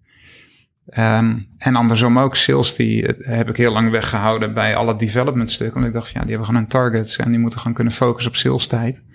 Ook omdat eh, zij dat zelf ook wel aangaven. Maar inmiddels zijn die ook veel nauwer betrokken bij demo's. En eh, ja, hebben gewoon een aantal lijntjes ook buiten mij om. Dat is ook gewoon heel goed. ja. Ja. En wat, zeg maar, wat is een beetje het omslagpunt geweest daarin? Dat je hebt besloten om daar zelf een beetje uit te stappen? Nou, dat is eigenlijk vrij recent. Als je het hebt over de, dat development, eh, hè, dus onze SRE en SWE, dat die eh, wat dichter op sales zitten. Dat is denk ik een week of twee, drie geleden gekomen. Hm. Dat we hadden een sessie met het hele team. Had ook te maken met uh, nou ja, die, die veiligheid. Hè? Dat we gewoon een, een sessie hadden om eens wat dingen met elkaar uit te spreken en naar elkaar uit te spreken. een van de dingen die toen boven tafel kwam is, was een irritatie dat sales af en toe dan trajecten had die dan superveel prioriteit hadden. En developers niet snapten waarom dat was. En dat sales ziet als, ja, dat snap je toch, super belangrijk. Is een partner, levert geld op. Nou ja, nu, uh, toen zeiden de developers van, joh, ja, we willen eigenlijk gewoon wekelijks wel een beetje op de hoogte gehouden worden van dat soort trajecten. En niet dat het platform daar opeens dan tien keer zo goed van wordt. Maar dan weten we gewoon een beetje waarin we kunnen meedenken. En ook op support weten we dan wat voor vragen er komen. Dus dat is vrij recent eigenlijk. Ja, ja. en uh, het klinkt nu heel logisch als je het ja. zo zegt. ja. Maar uh, is het zo dat je dit dus niet deed om ze uh, soort van te beschermen? Om, om ervoor te zorgen dat ze niet nog meer tijd bezig zijn met overleg, dat soort dingen? Kijk, wat, wat, ik heel lastig vind als ondernemer, maar ook als product owner, is je zit in gewoon een aantal loopjes. Hè, dus even in mijn rol als product owner, van mij wordt verwacht dat ik stories beschrijf. En ik heb regelmatig heb ik de, het verwijt gekregen, joh, is veel te specifiek. Hè? Dus uh, beschrijf nou gewoon wat je wil bereiken en dan uh, gaan wij wel nadenken hoe we dat gaan doen. Nou, fair. Uh, maar goed, toen ik dat goed en wel een tijdje deed, kreeg ik heel vaak, nou ja, het verwijt klinkt negatief, de, de opmerking, de feedback van joh, ja, het is ons niet helemaal duidelijk wat je wil. Kun je het specifieker maken? Ja. ja. dus dat is één zo'n loopje. Ja. Uh, ander loopje is dat uh, uh, ik ook van developers regelmatig ter terughoor heb van joh, het is, ik krijg gewoon veel te veel verschillende informatie hè, vanuit verschillende kanten. Laat mij nou maar gewoon lekker aan mijn stukje werken. nou ja, oké, okay, dus dan scherm je die mensen een beetje af. Ja. En vervolgens zeg ja, maar we missen toch een heleboel informatie. En ik, ik denk dat dat van die, nou ja, hoe zeg je dat, loopjes zijn of cirkeltjes die je gewoon houdt in een organisatie. Ja. Er, komt geheite momenten ergens, uh, weet ik veel, na de zomer, dat die developers zeggen, joh, ja, elke, half, elke keer op vrijdag een half uur sales, dat is misschien een beetje veel. Kunnen we niet terugbrengen naar uh, één keer per maand? Of een, en dit, dit, is ook goed. Ja. Weet je, en dan, en dan maken we er weer een lunchmoment van, of een borrelmoment, of een, nou ja, en zo is dat gewoon in beweging. Ja. Ja, het is ook een organisme natuurlijk. Je moet er continu ja. weer doorontwikkelen en uh, optimaliseren ook op dat vlak. Ja, en het, en het heeft ook gewoon sterk te maken met hoe mensen op dat moment gewoon in hun vel zitten, wat ze verwachten, waar ze mee bezig zijn, uh, hoe, hoe het thuis is. ja, ik denk dat het da daardoor dat agile werk ook gewoon wel heel goed past bij deze tijd. dat het, het is veel flexibeler, uh, niet alleen in de ontwikkelprioriteiten en waar je aan bouwt, maar gewoon ook de actualiteit van, ja, hoe zit je team erin? Ja. Hoe, je kunt wel zeggen, ik heb uh, elf man beschikbaar, maar dat is natuurlijk niet waar. En dan moet altijd eentje naar de tandarts of eentje ziek of eentje, ja, ja. met vakantie. Dus nou, door dat zo kort elke keer van tevoren bekijken, elke twee weken kun je veel beter inschatten. Ja. En inderdaad, zo'n metric van uh, burn down van uh, 100 punten per sprint. dat heeft, gewoon, dat heeft eigenlijk niet zo heel veel zin. Nee. Wel als een soort nou, overall indicator van, ja, wat is de grote lijn? Maar je kunt niet zeggen, nou, we hebben afgelopen twee sprints 100 punten gedaan, dus komen de sprint doen we er weer 100 punten. Dat, ik denk dat in heel veel organisaties dat wel zo uh, behandeld wordt. Oké, okay, ik doe nu drie onderwerpen zo even in één keer. ja, ja, we hebben een beetje gewaarschuwd aan het begin. Ik zag een trekker rijden. ja, dat is echt fascinerend. Ik zie ook nep schapen. Oh ja, nep schapen, ja. ja. Ja, we wilden eigenlijk buiten zitten. Dat was wel uh, echt nou, dat mooi wel geweest. Echt heel tof geweest. Want het is ook echt... Ja, we kunnen het een beetje proberen te beschrijven. Maar het, het, zonnetje schijnt nu op zich wel. Maar ik denk dat het gewoon te koud is. Want het is vijf graden. Maar um, het is vooral uh, weiland eigenlijk. En ik zie dat nooit, want ik woon in het centrum. Uh, er komt nu ook ja. Uh, ja inderdaad een uh, meneer die gaat op het land werken. Dus ook dat... Echt zo'n typische Hollandse lucht, hè? Van ja. die oude Hollandse meesters. Met van die wolkjes zo ja. over elkaar heen. Ja, op een of andere manier blijft dit toch wel aantrekkelijk, zo'n zo'n uitzicht. gewoon rust. Ja. Brengt dit jou ook in een soort ruststate? Want dat was eigenlijk het hele idee. nou ja, in alle eerlijkheid, ik woon in Culemborg. dus uh, ik woon alleen in woonwijk. Maar als ik uh, vijf minuutjes loop, loop ik ook de weilanden in en de uiterwaarden. Uh, dus dit is wel iets wat ik regelmatig zie. Maar ik vind het wel heel fijn, ook met wielrennen. Zoek natuurlijk wel dit soort omgevingen op. Ja. Uh, zo het is niet zo dat jij je ogen uitkijkt nu. in tegenstelling nee, nee. tot hoe dat bij mij gaat. Hé, hey, hey, boer. Nee, dat, uh, zo is het niet. Uh, maar het is, wel, het is wel fijn. Het is wel inderdaad wel grappig dat heel veel nou ja, creatieve momenten, die plan je in de bossen en niet per se in Rotterdam Centrum. Nee. Dus ik ik hoor niet zoveel mensen die zeggen in plaats van ik ga de hei op, ik ga de binnenstad in of zo. Dat is wel komisch. Ja. Ik, Misschien wel leuk om te vertellen in dit kader. Ik had een paar weken geleden ben ik, uh, heb ik een heidag gehad, maar echt letterlijk een dag op de hei. Ja. Um, dat is, uh, werd georganiseerd door Versie. Um, ik zal de link in de show notes zetten. Uh, Daan, Daan Venix is dat. En Daan is coach. En ik had al een tijd, ik, ik, werk regelmatig met een coach. maar het was nu alweer denk ik anderhalf jaar geleden. Alles lekker zelf uit zitten vogelen. En ik heb natuurlijk wel bevriende ondernemers waar je dan regelmatig mee spart. Maar op een gegeven moment, die kennen je goed. Dus die zijn misschien ook niet meer echt degene die de hele kritische vraag stellen altijd. Of die verrassend uit de hoek komen. Um, dus ik vond het wel goed om weer eens even een een gesprek te hebben. En uh, die zei van, joh, waarom ga je niet de hei op? Je zit in Hilversum, dus ga gewoon een dag de hei op. Je krijgt van mij wat ja. opdrachten mee. Dus nou, zo gezegd, zo gedaan. Heeft een heel mooi boshuisje, echt super gaaf. Dan word je ochtends ontvangen. houtgestookte kachel, dus verder cool. echt, ja. echt, heel tof. Een kleine ruimte, een beetje beetje zoals dit, alleen dan meer in de bossen. En eh, de opdracht was om daar eh, nou, een uurtje samen gesprek, anderhalf uur. Daarna ging ik de hei op, ik kreeg opdrachten mee, kreeg een soort uh, waardespel mee. Ook echt heel leuk om te doen. Om je persoonlijke waarden weer eens op te halen in een spelvorm. werkte heel goed, moet ik zeggen. Gaaf. En um, dan aan het eind van de middag weer een sessie. Dus uh, even wat eten drinken en, en uh, met elkaar sparren over weer wat die dagje gebracht heeft. En de grap is, ook daarin weer een paradox.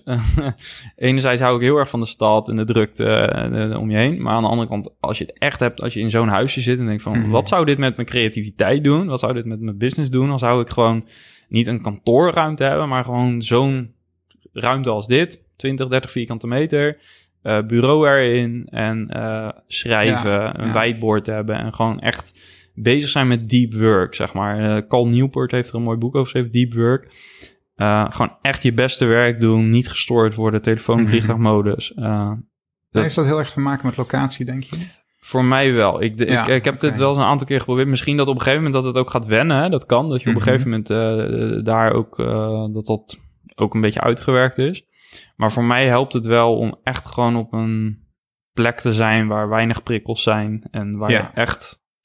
Uh, waar het ook logisch. Daar voelt het ook logisch om je telefoon op vliegtuigmodus te zetten. Kun jij ah. dat thuis doen? Of ja, dat, dat, doe ik zo, eigenlijk sowieso niet. Okay. Maar uh, nou, op zich kan ik dat wel, ja. Kan ik wel telefoontjes negeren. Of de telefoon op stil zetten. Um, nee, dat wel, ja. Ik zat, ik zat net nog te denken toen zei van ja, dan kan ik veel creatiever zijn en dan veel efficiënter of zo. Dat, dat gevoel kreeg ik bij. Toen dacht ik ja, je bent het wel weer kwijt aan reistijd naar de supermarkt. Want in Rotterdam loop je natuurlijk gewoon binnen vijf minuutjes ja, de supermarkt binnen, hier niet. Ja. Um, ja, ik merk wel dat ook wandelen, want je had het net over de hei op. Ik plan nu ook steeds meer wandelafspraken. Hm. Dus uh, en waar moet je tegenover elkaar? Ja, nu met een podcast handig, hè? Maar uh, waar moet je tegenover elkaar zitten om een goed gesprek te hebben? En ook meetings, waarvan je weet dat je een deel moet meeluisteren en uh, minimale inbreng hebt. Ja, maar dat doe ik ook tegenwoordig wandelend. Ja. Gewoon lekker naar buiten. En die zuurstof, ja, dat, dat is wel goed. Gewoon de wind, uh, nou, niet letterlijk door je hoofd, maar uh, dus ik kan het wel voelen. Ja. Maar misschien is het, ja, ik weet niet. Ik, misschien iemand die uh, op het platteland woont, dat hij ook heerlijk veel inspiratie kan krijgen uit de stad. Dat zou eigenlijk eens moeten vragen. Ja. Nou, ik, ik, ja. een vriend van mij die maakt muziek en die kan soms inderdaad uh, echt in de stad juist heel veel inspiratie ja. opdoen. De geluiden die daar zijn.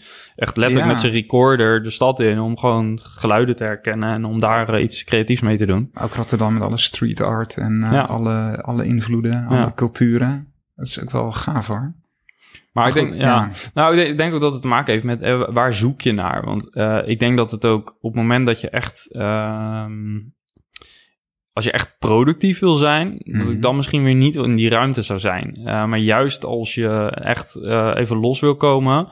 Uh, Daan noemt dat, ont, ik moet even goed zeggen, niet onthaasten. hij heeft er een andere term voor, ik ben hem even kwijt. maar inderdaad gewoon even helemaal loskomen. denk ja. ik wel dat zo'n locatie kan hebben. Je hoort het ook vaak van oude schrijvers of filosofen, die vaak ja. ook ja, een rustige ruimte opzochten om, om ja. goed te kunnen schrijven. Ja, dat is een mooie droom voor in de toekomst om ooit een. Nou ja, je hebt hem al verwezenlijk. Je zit er nu ja, al. Ja, ja, ja, vandaag wel. Jij blijft hier vandaag ook. vandaag dus, wel, ja. ja. Nee, het is zo mooi. Je had het net over Basecamp. En uh, we hadden het al eerder over dat boek. Hè? In het Engels heet het Calm. En volgens mij de titel is It Doesn't, It doesn't have to be crazy at work. Precies. En daar zitten af en toe van die tussenbladen tussen van um, ja, personen die iets delen over hoe zij rust inbouwen. En ik las over een dame die had twee kantoren. Eén kantoor voor haar nou, e-mail en al ja. dat soort activiteiten. En een ander kantoor voor creativiteit. Nou ja, dat zou dat. ook nog kunnen werken. Ja. ja. En um, ook mensen die uh, alleen s ochtends werken en smiddags uh, wandelden of zo. Hè? Of, ja. Ik denk dat het per mens ook verschilt, ja, wat uh, voor jou werkt. Dat, ja. Um, ik wil het nog even met je hebben over decision making.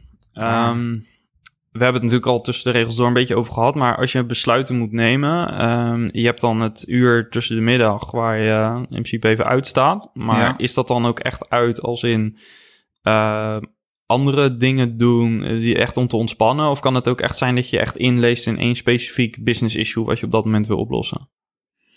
Nou, nee, zeg niet nooit nooit, maar het is eh, voornamelijk is het gewoon echt wandelen, eh, podcast luisteren, eh, Ja, een boek lezen. Ja. En dat kan natuurlijk een boek zijn ook over ondernemen of over ehm, eh, psychological safety of nou, zoiets. Ja. Hè? Dus wel iets wat bijdraagt aan mijn werk.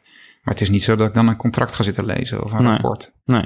En als het gaat over besluitvorming, ehm, als, je, als je echt een belangrijk besluit moet nemen, Mhm. ehm, hoe ziet dat proces er dan uit bij jou? Ja, ik zit even ondertussen te denken, hoeveel zijn dat er eigenlijk nog zo door de dag? Want eigenlijk, ehm, kijk, in mijn rol als product owner bepaal ik nog de volgorde op de backlog. Maar ook daar hebben de developers eh, echt wel een hoop invloed op. Dus die, eh, daar ben ik echt wel mee in gesprek over van wat zou de prioriteit moeten zijn. Nou, ik heb net al verteld over de spanning tussen business value en eh, andere dingen. Nou, dat hebben we dan nu opgelost. Ehm, ja, voor de rest zijn er niet zo, tenminste, ja, waar ik even zo denk, hele grote beslissingen waar ik voor sta, eh, zo door de dag. Ehm, en als ik echt grote beslissingen moet nemen, dan is het wel een kwestie van even afstand nemen. Vaak toch wel iets van een business case maken, hè? of een, eh, een soort van eh, verschillende ehm, ja, opties uitwerken. Eh, ook wel een beetje hoe ik opgeleid ben in, de, in 2013 tot 2015. Je ook MBA-programma. Ja, mijn MBA, maar ook gewoon lezen. Hè? Want vaak een probleem wat voor je ligt, is vaak helemaal geen nieuw probleem. Ja, voor jou misschien wel. Er zijn een heleboel mensen die hetzelfde probleem al een keer gehad hebben of voor dezelfde keuze hebben gestaan. Eh, en als je een beetje zoekt op internet of in de literatuur zoekt, dan kun je echt wel vinden hoe zij daarmee omgegaan zijn. Ehm, dus zo probeer ik het proces wat te structureren. Maar heel vaak is het natuurlijk ook gewoon gut feeling of zo. Ik kan wel nu fijnsen dat het een heel erg eh, lineair proces is met, eh, maar ja, soms doe je, of ja, meestal doe je dingen op basis van gevoel. Ja. ja, is dat bij jou het geval? Ja, ik denk dat het bij ieder mens zo is. Ik denk dat bij heel veel mensen dat eh, ze denken dat ze echt wel een weloverwogen beslissing hebben genomen, maar dat het vooral een verklaring achteraf is Ja, waarom ze een beslissing op gevoel hebben genomen. daar schijnt ook veel onderzoek eh, Ja, naar gedaan te zijn. Hè? Ja. Je ziet dat ook vaak ja, terug. Ja. ja. Ik denk ook wel dat het ook wel bij ondernemerschap hoort of zo. Hè? Dat die, die, nou ja, een stukje snelheid of flexibiliteit of eh, ja, gewoon ervoor gaan. En nou, een beslissing nemen is beter dan geen beslissing nemen. En je stuurt later wel weer bij als het nodig is. Ik zit even te denken of je vraag nou goed beantwoord. Volgens mij zijn we nog half weg, hè? Ja, nee, Ja, maar ik, ja. ja, nee, ik, ik denk Ja. het zeker. Nou, waar ik ook, ehm, eh, voor, wat voor mij een, een soort van eye-opener was, en eh, waarschijnlijk eh, denk jij en heel veel luisteraars van, ja, maar dat is op zich wel heel erg logisch, maar ik had er even voor nodig, Ja. Ehm, is het besef dat ehm, bij beslissingen, dat heel veel beslissingen omkeerbaar zijn. Hè, je hebt onomkeerbare beslissingen, je hebt omkeerbare beslissingen. En Ja. Je hebt vaak het gevoel dat een beslissing onomkeerbaar is. Terwijl Mhm. dat in 9 van de 10 gevallen helemaal niet zo is. Dat het niet zo super definitief is. En het besef, zeg maar, het- ik heb dat, me dat afgelopen jaar, toen ik een aantal keer een beslissing moest nemen die voor mij impact hadden, Ja. eh, dacht ik van ja, ik ben nu heel erg aan het overdenken. Want misschien is de situatie over twee maanden inderdaad, misschien pakt de beslissing niet zo goed uit. Maar dan is er vaak wel weer iets te corrigeren. Dus Ja. eh, eh, een beetje in de lijn met wat je zei. Een beslissing nemen is beter Ja. dan hem uit te stellen of geen beslissing nemen. Want uiteindelijk, je kunt altijd wel weer bijsturen. Maar dat besef kan best wel een soort van eh, relief geven. Ja. ja, dat klopt. Ja, dat heb ik gelukkig wel wat langer al het besef dat er eigenlijk maar weinig desastreuze keuzes zijn. Weet je, ik ben geen eh, open hart eh, chirurg of zo. Nee. Of, dat is misschien ook wel, hè, dat we ook in de SaaS. kijk, aan de ene kant wat we doen is natuurlijk belangrijk en zinvol. En, maar tegelijkertijd, ja, eh, in mijn geval, wij helpen bedrijven om veiliger te worden, eh, zodat ze hun business kunnen draaien. Nou, dat is heel relevant, hè, want daardoor kunnen mensen eh, eten en drinken en boodschappen doen. En tegelijkertijd, ja, het is niet zo dat ik aan iemands bed sta of daadwerkelijk een open hartoperatie uitvoer. Ehm, dus die, die druk die je dan jezelf oplegt en, en hoe groot en belangrijk je het maakt, ja, dan moeten we misschien ook wat meer relativeren. Ehm, en ook de impact van als je een keer een verkeerde beslissing neemt, is in de meeste gevallen helemaal niet zo groot. Nee. Ja, en eh, tuurlijk zijn er wel dingen die veel impact kunnen hebben. Maar ook daar kom je wel weer uit of zo. Is er een voorbeeld van zo'n beslissing waarvan je hebt gezegd, nou, dat, dat achteraf, eh, of vooraf, ik ik er heel erg tegenaan. Hij was misschien ook niet helemaal oké, maar ik heb hem kunnen corrigeren. Ehm, Nou, ik zit even te denken. Toen je begon met je vraag, dacht ik eh, van eh, ik moet mijn e-learning eh, de bakel moet ik even erin brengen. Maar dat was, dat was helemaal niet zo'n beslissing dat ik dacht van oeh, dat gaat verkeerd. Daar had ik eigenlijk van tevoren veel beter over na moeten denken. Mm. Veel moeten, beter moeten valideren, maar wel weer hoop van geleerd. Ehm, ik denk als ik kijk naar ehm, de herbouw van ons platform. Hè, we, we hebben nu de derde versie van ons platform. Maar toen we van de eerste naar de tweede versie wilden gaan. Ja, toen heb ik een beslissing genomen om dat zo groot en flexibel te maken dat het uiteindelijk niks werd. En dat eh, heeft ons behoorlijk wat vertragingen opgeleverd. En uiteindelijk heb ik bijgestuurd om te zeggen, nou, we gaan eh, weer terug naar de tekentafel en echt eh, naar een MVP toewerken en daarop doorbouwen. Ja, dat is misschien wel een mooi voorbeeld. Ja. Ja. Waarvan je op voorhand misschien gezegd zou hebben, hoe deze moet goed zijn. Want als ik hier mis zit, dan eh eh, hebben we een probleem. En uiteindelijk Ja. blijkt dus, nou ja, zit hier vandaag. je bent Ja. nog steeds te lijden. Ja, het, het was niet per se leuk of zo. Het heeft ons echt wel eh, veel geld gekost en vertraging opgeleverd. Ja. En ook wel voor gezorgd dat een aantal partners van het eerste uur zoiets hadden van... ja, hoor eens even, ja Martijn, je hebt nu al zo vaak gezegd dat het eraan komt... en het komt gewoon niet. Hè? Wat zit jullie nou te prutsen daar zo? Ehm, nou, dat is gelukkig allemaal goed gekomen. Ik denk ook, eh, als je kijkt naar pricing... hè, daar kun je ook eindeloos over nadenken. Heel mooi voorbeeld dit. En ja. eh, we hebben een tijd geleden hebben, eh, voordeelbundels geïntroduceerd. En daardoor ook eh, bepaalde pakketten super scherp gemaakt. Waardoor sommige partners zeiden, ja, zo kan ik er niet echt veel meer op verdienen. Hè, als ik eh, drie tientjes eh, of zo kan maken. Eh, tegelijkertijd merkten we ook wel weer dat er partners waren die zeiden, ja, maar nu kan ik eh, mooi hoog volume doen. En het is makkelijk. Hè. Verkopers die eh, weten nu heel eenvoudig wat ze moeten aanbieden. Nou, en inmiddels zijn we op een punt eh, aanbeland dat we daar zoveel door geleerd hebben dat we die prijskaart weer een, eh, een, een nieuwe versie gaan maken. En bepaalde bundels ook niet meer gaan voeren of de, de pricing gaan bijstellen. Ehm, ja, uiteindelijk je kunt het ook niet voor iedereen goed doen. Nee. Ehm, nou, en nogmaals, ja, er zijn weinig beslissingen die je kunt nemen die echt desastreus zijn. Hè? Dus een nieuwe prijskaart betekent niet dat al je klanten opeens gaan opzeggen. Nee. Of zo. Of eh, dat je partners zeggen, joh, wat, wat is dit nou? We hebben er wel van geleerd dat we hem wat eerder moeten voorleggen aan partners. Dat Ja. was wel een. eh, Ja, maar, goed, maar dat is Ja. natuurlijk ook. Kijk, je gaf net ook aan, eh, ook bijvoorbeeld met de, eh, de rebuild van het platform.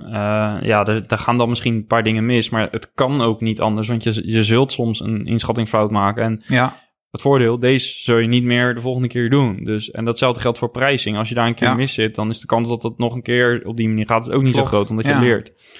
Nee, dat is zo. Ja, en uiteindelijk, je weet ook eh, met platformen. Hè, we zijn, eh, even denken, in november 2019 of zo echt live gegaan. En eh, inmiddels zijn we alweer bezig om een open hart operatie voor te bereiden. Omdat we in de architectuur iets hebben zitten wat uiteindelijk toch niet zo optimaal scha- schaalt als we willen. Ja, dat blijft toch. Ook in technologiekeuzes en Ja. dat, dat vind ik ook wel weer mooi, dubbel in SaaS. Hè, dat je zoveel nieuwe technieken hebt waar je plezier van kunt hebben. Dat gaat zo razendsnel. En tegelijkertijd blijf je ook daardoor heel vaak investeren in iets van wat je al hebt. Ja. Dus eh, ben je weer iets met een nieuw framework aan het bouwen waarvan je denkt, ja, maar dat, dat hadden we toch al. Maar ja, dan is het toch weer net iets sneller, Ja. schaalbaarder. Of dat was een jaar of twintig geleden was het wel anders. Ja. ja, dat gaat natuurlijk enorm snel. Ja, dat klopt. Ja. Maar goed, Eh, we zaten bij decision making, hè? Ja, maar volgens mij heb je die Ja. vraag wel beantwoord. Hè? dat je dus, mooi. dus Ja. inderdaad meer eh, eh, de- ook de, de het drama er een beetje uithaalt. Wat, wat ik dan eh, geneigd ben te doen. Hè? Om iets te veel drama te maken. En te zeggen van, ja, nee, maar dit, kan allemaal helemaal misgaan. Ja, In essentie zijn er maar weinig dingen die echt zo desastreus kunnen eh, aflopen. Dat iets meer lucht in je decision making eh, wel, eh, wel goed is. Ja. Ehm, Nou ja, en ook, eh, het is beter om eh, achteraf vergeving te vragen dan vooraf toestemming. Dat is ook een eh, eentje die ik al wel heel lang hanteer. Komt ook door mijn eh, compagnon, die, ja, die, die, die zit er ook al jaren zo in. Heeft ook de- het idee van, ja, je hebt gewoon slimme mensen aan het werk. Dus ja, laat hun gewoon beslissingen nemen. En het kan natuurlijk een keer verkeerd uitpakken. Nou ja, geeft niet. Als het met de beste intenties gedaan is, dan is dat goed. ja. Ik las wel in dat boek van ehm, over psychological safety at work. Dat dat soort uitspraken juist bij Uber in het begin ervoor zorgde dat die hele bedrijfscultuur helemaal rot werd. Ook omdat mensen in interpersoonlijke relaties zo zaten. Ja, dat maakt toch niet uit. En we moeten snel gaan, uh, Ja. break things, uh, Ja. move fast. Ja, En dat er ook allerlei uh, sexual harassment zaken doorkwamen en zo. ja. Omdat ja het kan bijna een vrijbrief zijn voor wangedrag, zeg maar. Van, Ja. ja. Nou, ik denk dat heel veel dingen die we uit Amerikaanse bedrijven leren niet te kopiëren zijn in Nederland. En dit is ook eentje die we niet moeten overnemen. Ehm, dat vond ik ook met het boek van Basecamp trouwens. Ik zat nog eens over door te praten met Ludo. Ehm, en die zei ik van ja, weet je, in eh, Amerika heb je geen vakantiegeld en heb je geen WKR. En ja, als je hier iemands vakantie wil betalen, dan eh, betaal je bijna twee keer hè, Ja. eigenlijk. Ja. Door eh, alle belasting. Ja. Dus dat kan wel, maar het is best een dure grap.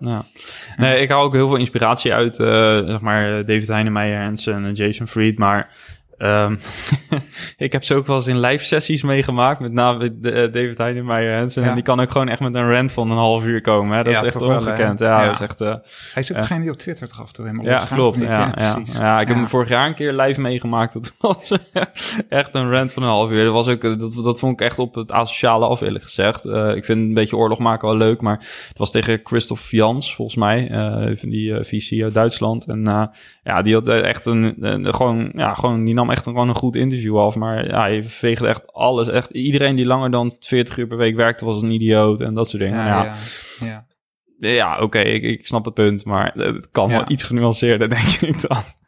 Maar goed, ja. Ja, terwijl hij in zijn boek wel genuanceerder is, hè? Ook Ja. over de vroege fase van Basecamp. Ja, En, eh, ja, maar nee, als je hem eh, live meemaakt, eh, de paar keer dat ik dat nu heb gezien, eh, kan die. En, en het is ook aan de andere kant goed, hè? Want je hebt ook een beetje van dat soort mensen nodig die eh, het balletje Ja. laten rollen. En eh, het feit, zij heeft wel bewezen dat hij weet hoe het werkt. Ik bedoel, eh, eh, laat ik daar niks van zeggen. Maar oh, eh, ja, ja, inmiddels. eh, ja. En, en, ja, en hij, eh, het is echt heel inspirerend ook. eh, ik weet ook veel Nederlandse bedrijven die ook echt eh, met hun methode, methodieken werken. ja. Eh, ze doen heel veel goed, maar soms is het inderdaad... eh, je kunt niet alles één op één toepassen. Ik denk dat, eh, dat, dat je Mhm. dat wel kunt stellen. Ja, Ja. Dat het niet altijd heel realistisch ook is hier. ja, ik denk dat het ook weer raakt aan dat cathedral thinking, hè? Wat je aan het begin aangaf. Ja, En bouw je een bedrijf voor de korte termijn of de langere termijn? Ik denk dat we ook nog heel veel kunnen leren van familiebedrijven. En dat, dat gevoel kreeg ik wel een beetje toen ik het boek las over Basecamp. Hè? Dat ze niet op korte termijn cash en visies en wel echt op langere termijn toch wel voor een familie zorgen. Hè, dus het bedrijf. Ehm, dus maar hoeveel kathedralen er nog gebouwd gaan worden? Ja, de Notre Dame gaat weer herbouwd worden. Hè? Dat, Ja, eh, ja, dat is een mooie. ja. Ehm, ik denk dat we in een fase zijn gekomen dat we alles zo efficiënt maken en zo geoptimaliseerd hebben dat er nog maar weinig dingen, dingen zijn waar je langer dan één mensenleven voor nodig hebt. Ja, nou ja, plus het feit dat natuurlijk ook... ehm, en, en dat is ook eh, waar denk ik veel start-ups... Scale-ups gaat het misschien iets anders, maar zeker bij start-ups natuurlijk ook wel... eh, wat daar meespeelt is... Je kunt wel heel erg aan de lange termijn denken... maar Mhm. als jij niet zo'n lange runway hebt... Ja, eh, is leuk, maar je moet wel vandaag kunnen overleven... en volgende maand. En, en als zolang je dat niet kan... en laten we eerlijk zijn, dat is voor heel veel start-ups... is Ja. wel de realiteit dat ze niet heel veel maanden te gaan hebben... of, of runway hebben ja, dan kun je heel druk maken over de hele lange termijn. Maar ja, Nee, nee, dat eerst de korte termijn maar eens Ja. te overleven. Ja, dat is het ook. Hè. Heel veel eh, ook Nederlandse start-ups die kijken dan naar Amerikaanse start-ups en willen op dezelfde manier acteren. Terwijl het beschikbare geld hier in Nederland gewoon een fractie is van wat daar beschikbaar Ja. is. En misschien soms maar goed ook, hè? want als je ziet Ja, eh, wel wat voor bedragen er soms gegeven worden eh, voor bedrijven die, nou ja, je kan, kan de rekensommetjes wel maken. Ja, Ja, ja, het is echt bizar als je sommige eh, beursgangen ziet, wat eigenlijk gewoon niet, niet gezond. En het gaat ook eh, natuurlijk, het gaat vaak goed, maar eh, we zien ook wel voorbeelden waar eh, dat Ja, waar het helemaal gaat. misgaat. Ja. Denk aan WeWork, ook al is het geen, geen SaaS-bedrijf. Ehm, nee, ik denk dat het enige wat ik nog eh, dan vanuit zeg maar dat cathedral thinking, wat eh, bijvoorbeeld ik heb afgelopen weken zitten kijken van hoe kijken eh, Warren Buffett en eh, Jeff Bezos en zo hier dan naar. Nou, dat zijn natuurlijk ook mensen die hebben een. eh, je- kunt er op twee manieren naar kijken. Soms denk ik van ja, maar voor hen is de wereld anders omdat ze zo vermogend zijn. Mhm. Of zijn ze zo vermogend omdat ze de wereld op een iets andere manier zien? Eh, dat is altijd even de vraag. Kip en het ei verhaal. ja. Maar bij Warren Buffett eh, lijkt het wel, dat, dat zegt hij volgens mij ook ergens. Hè? eh, ik investeer alleen in bedrijven die levenslang eh, rendement opleveren. Althans, dat, dat, eh, waar dat heel waarschijnlijk is. Eh, en dat is natuurlijk wel iets echt fundamenteel anders dan ja, hoe heel veel investeerders erin zitten. ja. En ehm, over de besluitvorming vond ik bij Jeff Bezos wel een interessant fragment. Die zei over besluitvorming, hè, als jij als executive, zeker binnen een grote organisatie, dus als je echt zelfstandige teams hebt, uh, dan is in essentie gaat het om de kwaliteit van je beslissingen. Kun je mm 1, 2, 3 goede beslissingen maken van hoge kwaliteit op een dag, heb je in principe je werk gedaan. En zou je ook niks anders hoeven doen. Nou ja, ook daarvoor geldt. Ik weet niet of dat in de praktijk ook zo... Uh, in de praktijk ja. is meestal weer barstiger. Je, je moet ook brandjes blussen. waarom zulke mensen nodig zijn om beslissingen te nemen. Dat, dat bedenk ik me dan. Ja, nou ja, uiteindelijk ja. zou je... Uh, ze moeten dus misschien ook beslissen over wie er moet gaan delegeren. of aan wie ze de besluiten moeten gaan delegeren. Maar uiteindelijk, wat zijn stelling wel is, is je hebt een managementfunctie binnen zo'n organisatie. Hij zelf uh, natuurlijk ver boven de troepen, maar hij heeft managers in zijn organisatie. En die moeten beslissingen nemen. En hij moedigt hen dus aan om uh, afstand te mhm. nemen, 1, 2, 3 goede beslissingen per dag te nemen en daarop te focussen. Ja. Uh, daar zit natuurlijk wel iets in. En nogmaals, ook daar zal de praktijk weer barstiger zijn. Maar als jij ook als SaaS-baas die mindset wat kunt aannemen. Dat je uh, misschien niet zo heel veel zelf meer hoeft te doen, maar je team kan laten beslissen en zelf alleen wat macro beslissen. Want met één macro beslissing kun je natuurlijk heel veel micro beslissingen overbodig maken. Ja, maar om wat voor beslissingen gaat het dan nog? Uiteindelijk? Want... Nou, ik kan me bijvoorbeeld voorstellen op gebied van HR. Hè, eh, mhm. bij SaaS-bazen, een van de belangrijkste beslissingen is denk ik op dit moment... Hoe, hoe, wat, wat, zijn je, wat zijn je key hires? Uh, hoe ziet de structuur, je organisatiestructuur eruit? Uh, uh, je roadmap en dergelijke zou je in theorie ook op een gegeven moment los kunnen laten. Ja. als je mhm. echt de organisatie zo goed hebt opgeleid. En ik denk dat daar met name de beslismomenten in zitten. Wie gaan dat doen? En uh, op welke manier richt ik dat in? Wat, wat moet er nog wel langs mij? En volgens mij hoor ik uit jouw verhaal ook...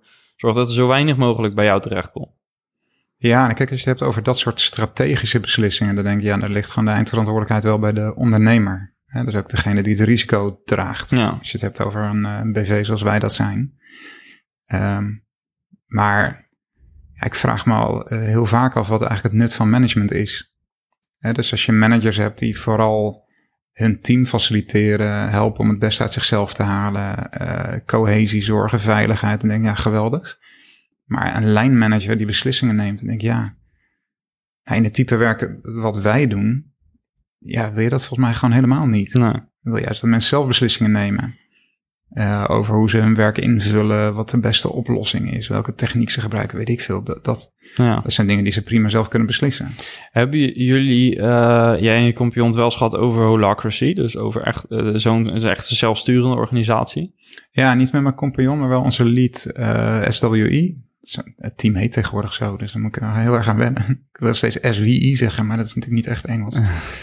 Uh, alleen uh, daar was ik mee in gesprek. Alleen die is ernstig ziek op het moment. Dus uh, dat gesprek hebben we niet voortgezet. Maar het is wel mooi. Ja. Mooi om vanuit die mindset of vanuit... Ja, wat, wat is het eigenlijk? Een ja, eigenlijk is het wel een mindset. Hè, om, ja, het is eh, een mindset, maar er zitten natuurlijk, heeft ook formele consequenties. Uh, behalve dan dat... Uh, ik heb een podcast over gemaakt met Dennis van der Heijden van Convert.com. Even uit mijn hoofd gezegd, aflevering 17. Uh, weet al die nummers ook uit je Nee, niet allemaal. Ik weet er een ja. paar.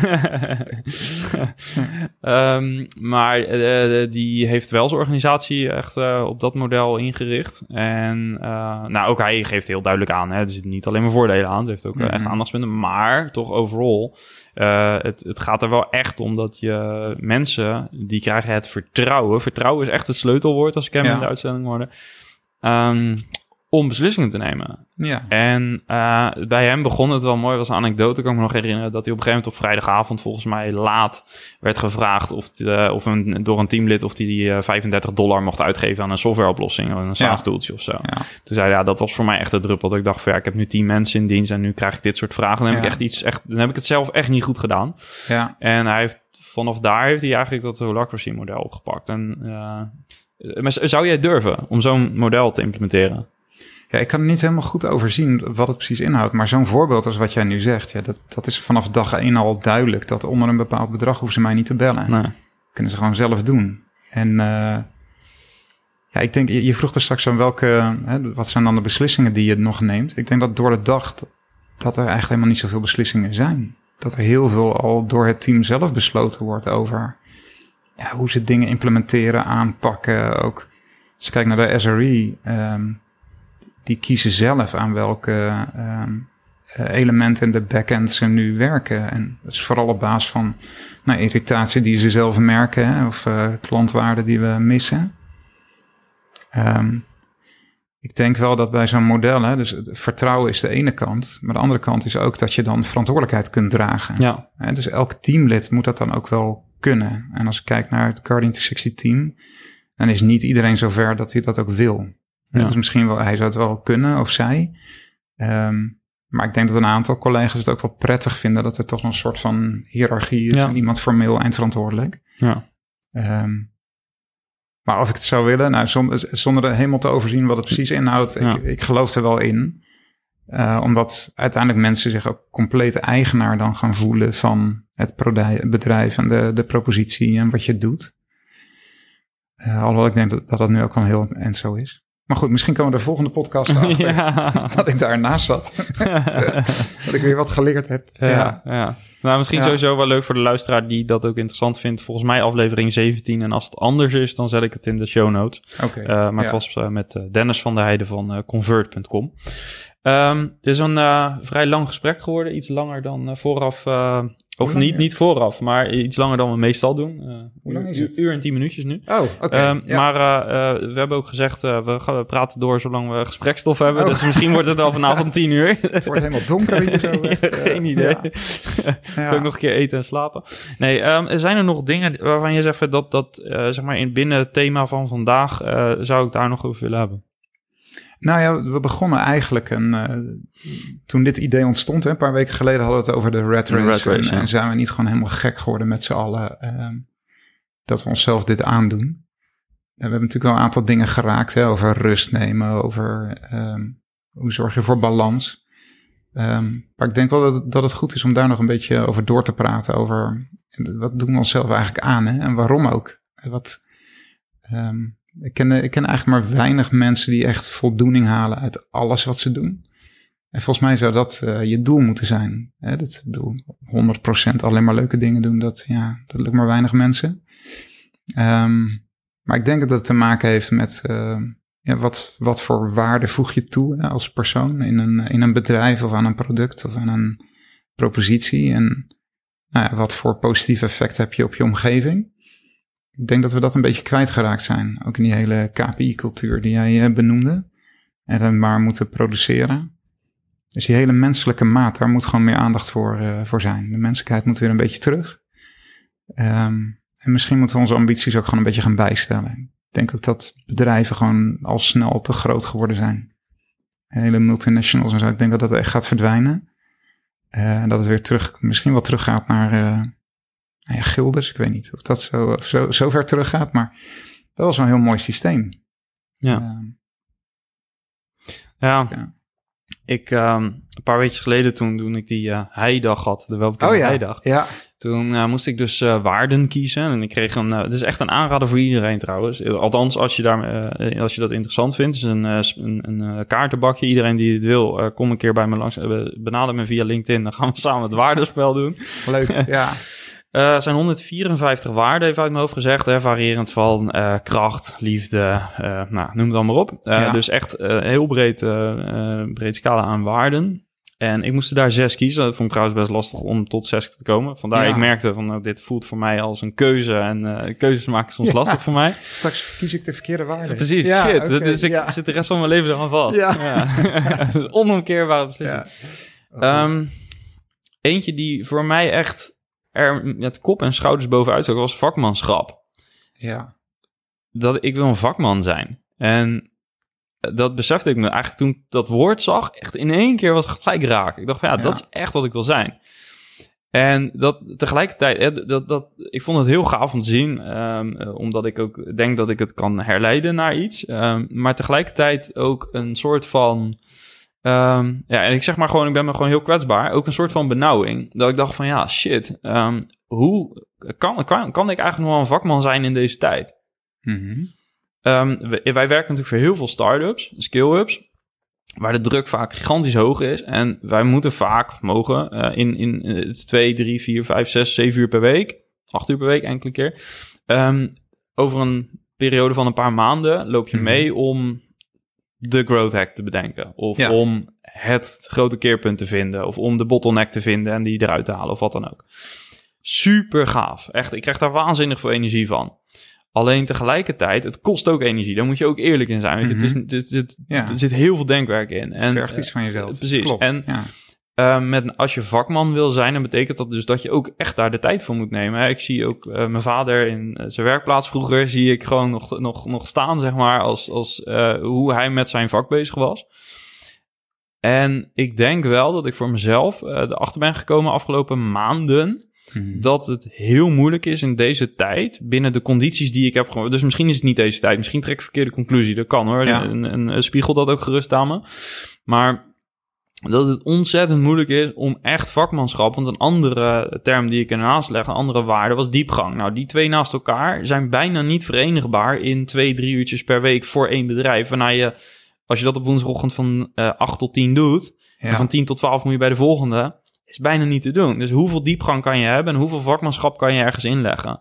Misschien meer het model wat ik gekozen heb, dat daar Ja. iets in te, dat ik daar iets anders in moet gaan doen. Ja. Maar het was best wel confronterend en ook wel verhelderend tegelijk. Een gedachte die ik heb nu, dat ik denk van ja, dan zit je wel bij de goede klant dan. Hè? Of heb je wel de, de juiste propositie? Ik, ik, ik denk van niet. Als ik Ja. heel, eh, dus het is snel antwoord, maar het is Ja. natuurlijk wel iets wat, wat me de afgelopen periode wel bezighoudt. Ja.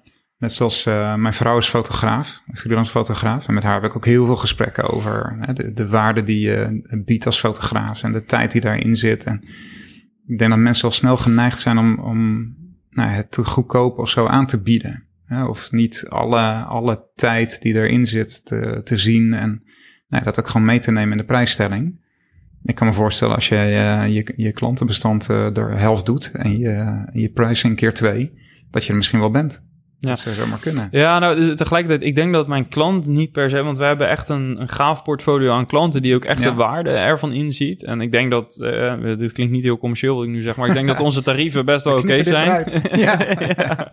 Nee, ik denk dat dus, eh, ik denk dat dat oké is. Ehm, maar ik denk met name dat, ehm, wat, wat wil je zelf? En nogmaals, Ja. dit wordt nu bijna een podcast waarbij ik mezelf ga anti-promoten, maar hoe cares? Nee, het, dat, het boeit eh, me eigenlijk geen reet ook. Ik ben gewoon eerlijk.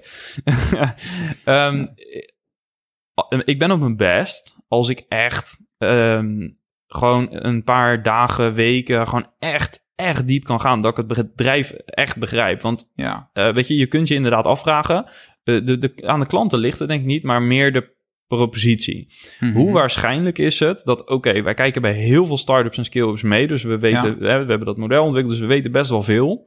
Tegelijkertijd weten we ook niet zoveel. Want heel Mhm. vaak is het geen marketingprobleem. Het is vaak is er ergens in de organisatie. Het is politiek. Mensen komen er niet door. Of Ja. ideeën worden. eh, Het zit een obstakel. Of eh, de markt. eh, daar is iets geks aan de hand. Er is bijna altijd is iets wat je vooraf niet kan voorzien. En hoe Mhm. waarschijnlijk is het dat ik met. Is ook naïef eigenlijk van mij. Maar hoe waarschijnlijk is het dat ik met twee, drie, vier uurtjes in de week. een doorbraak vind. waar een onderneming misschien al drie, vier, vijf jaar bezig is. en dat moment ook niet gevonden heeft. Nou ja, goed, de vraag is of je dat met zes tot acht uur dan in de week wel gaat vinden. Hè? Nee, Dus, b- eh, precies. ja. Maar, maar dat Ja. is wel een beetje de, de- zeg maar, waar je dan in knel komt te zitten. Dus eh, even om terug te koppelen naar waar je mee begon. Hè? Ehm, wat, wat voor eh, be- betekenis kan iets ook hebben. Mhm. Ehm, dan denk ik wel dat als je kijkt naar persoonlijke waarden, want waar, Ja. waar haal je voldoening uit, dan moet je eerst weten waar je echt heel erg gelukkig van wordt. En ja. waar je energie van krijgt, waar je energie Ja. aan kan terug en in terug kan geven. Maar voor jou is het, je wil echt gewoon trots zijn op het eindresultaat. Dat is eh, iets wat, waar ook je vakmanschap in Vak- zit. ja, Als je ja, iets aflevert, dan moet het ook gewoon perfect zijn. En anders ga je nog een, een dag of twee dagen door. Ja, en dat Maakt maakt, niet uit. uit. Nee, precies. Nee. Ja. Dus, eh, en dan is de vraag van, ja, is dat houdbaar? Hè? Eh, bedrijfseconomisch gezien, zou je klanten kunnen vinden die juist voor die premium dienstverlening bereid zijn om twee, drie keer zoveel te betalen? Ik, weet het niet, hè? En Misschien waarschijnlijk vijf keer zoveel te krijgen. En dit is geen Ja, dat pitch, kan. maar dat, Ja. daar, Ja. die kans is groter, denk ik. Nou ja, en kijk, uiteindelijk als je dan ook nog kunt voorhouden dat vijf keer zoveel oplevert, dan wordt het alweer wat makkelijker, denk ik. Ja. Eh, maar misschien moet je ook concluderen dat in deze fase van de markt dat niet kan. Eh, dat je dan jezelf uit de, prijs, uit de markt prijst. Dat kan ook. Dat, is, eh, dat blijft lastig. Eh, en dan moet je accepteren van, nou ja, om, mijn, om mijzelf die voldoening te geven en dat vakmanschap erin te kunnen brengen, ehm, ja, moet ik dan maar accepteren dat het rendement wat lager is. Ja. Dat kan. Ja. Maar goed, ja. Dit kan ook nog een, een, hele fase prima zo blijven bestaan. Hè? Uiteindelijk, je klanten worden nu ook hartstikke goed bediend. Misschien krijgen ze al meer dan dat ze verwachten. Nou ja, dat, Dat, dat is overigens denk ik wel het geval soms. Dat maar, ik wel als ja, ik maar, maar, maar, het, het punt is meer dat eh, als je het terughaalt naar het persoonlijke, is het uh, van waar zijn we met elkaar mee bezig? Uh, je, je wil graag iets, maar hoe, hoe goed heb je je handelen daar ook op afgestemd? En ik denk dat ik daar nog heel veel stappen kan maken. Um, en en dat, dat, je echt weet van, oké, maar waar... En het, het wordt, waar word je gelukkig van, is het niet altijd per se. Het is ook van... Uh, want, want gelukkig zijn of ergens voldoening uithalen... ik denk dat dat laatste voor mij uiteindelijk nog iets belangrijker is. Want dat is volgens mij intrinsiek gelukkig zijn. En gelukkig zijn... Misschien is het een definitieding waar wat verknipt in mijn hoofd zit, maar is van ja, je moet vooral dingen doen die je leuk vindt. Nou, dat, dat, ik, daar geloof ik niet zo in. Ik denk dat vakmanschap vraagt ook gewoon om heel veel mee te maken, bloed, zweet en ja, tranen soms. duizend keer hetzelfde doen, hè? Of Precies, zo, of ja. 10.000 uur. Ja, ja. en, en uh, nou prima, die bereidwilligheid heb ik wel. Maar dan wel ook, ja, dat heeft een prijs. En de, dat ook ervoor over hebben. Ik denk dat wel... Uh, ja, daar zit ook een beetje het lange termijn denken weer in. Uh, ja. En, en, en ja, ook, ook echt zelfkennis uh, hebben van wat, wat maakt je uiteindelijk echt, echt dat je met voldoening je werk doet. Ja. Ja, dit, dit, was voor mij wel een inzicht zo de afgelopen periode. Ja, dus je had vakmanschap en... En diepgang. Diepgang, ja. ja. ja. ik denk dat het sowieso een uitdaging is voor heel veel creatieve beroepen. Hè? Dus eh, daar schaak ik dan voor jouw beroep ook maar even onder, maar ook de fotografie. Uiteindelijk kun je denken, ja, je hoeft maar één keer op dat knopje te klikken en je hebt een foto. Maar het leren op welk moment je moet klikken en waar je moet staan. En nou ja, dat zijn die 10.000 uur. Ja. Uh, en ik snap ook dat voor een klant is dat heel lastig om te overzien. Ja. En want uiteindelijk zou je moeten zeggen, ja, die, die 10.000 euro moet verdisconteerd zitten. En dat ja. ene klikje wat je daarvoor betaalt. En dat is misschien dan niet uh, eh, 80 euro, maar misschien wel uh, eh, 2000 euro waard. Um, maar dat is voor een, een afnemer die niet nou, in die business zit, zo is dat ook lastig om, uh, om te ja, erkennen of om te ja, kijk, een mooi voorbeeld is natuurlijk in ons geval dat het framework. Hè, er zit, uh, we hebben een bibliotheek eigenlijk, het is digitaal, man, zou het zo'n map ja, zijn. Ja. Waarin heel veel lessen zitten die we in jarenlang hebben opgedaan bij heel veel ja. scale-ups en start-ups. Dus allemaal B2B SaaS, dus allemaal super relevant. En we hebben daar zoveel dingen geleerd. Ja, dat is niet meer per se een uurtarief wat je dan... Uh, nee. dat is, heeft gewoon een bepaalde waarde. En als ik in een workshop van vier uur ik kan vertellen hoe de pricing of hoe de value proposition of hoe, nou, noem maar op, uh, de blueprint voor je website, hoe die eruit moet zien. Ja, dat is niet iets wat ik in drie uur, uh, of tenminste kan het in drie uur vertellen, maar dus niet uiteindelijk ja. drie uurtjes werk. Het heeft een veelvoud daarvan gekost. Ja, misschien moet je dat hele uren loslaten. Ja, ik weet niet of je, hoe je nu prijst. Nee, we doen het. We doen meer op programma's, uh, ja, inderdaad. Ja, alleen uiteindelijk zit daar vaak wel een urencomponent in. Hè? Nee, uh, ja.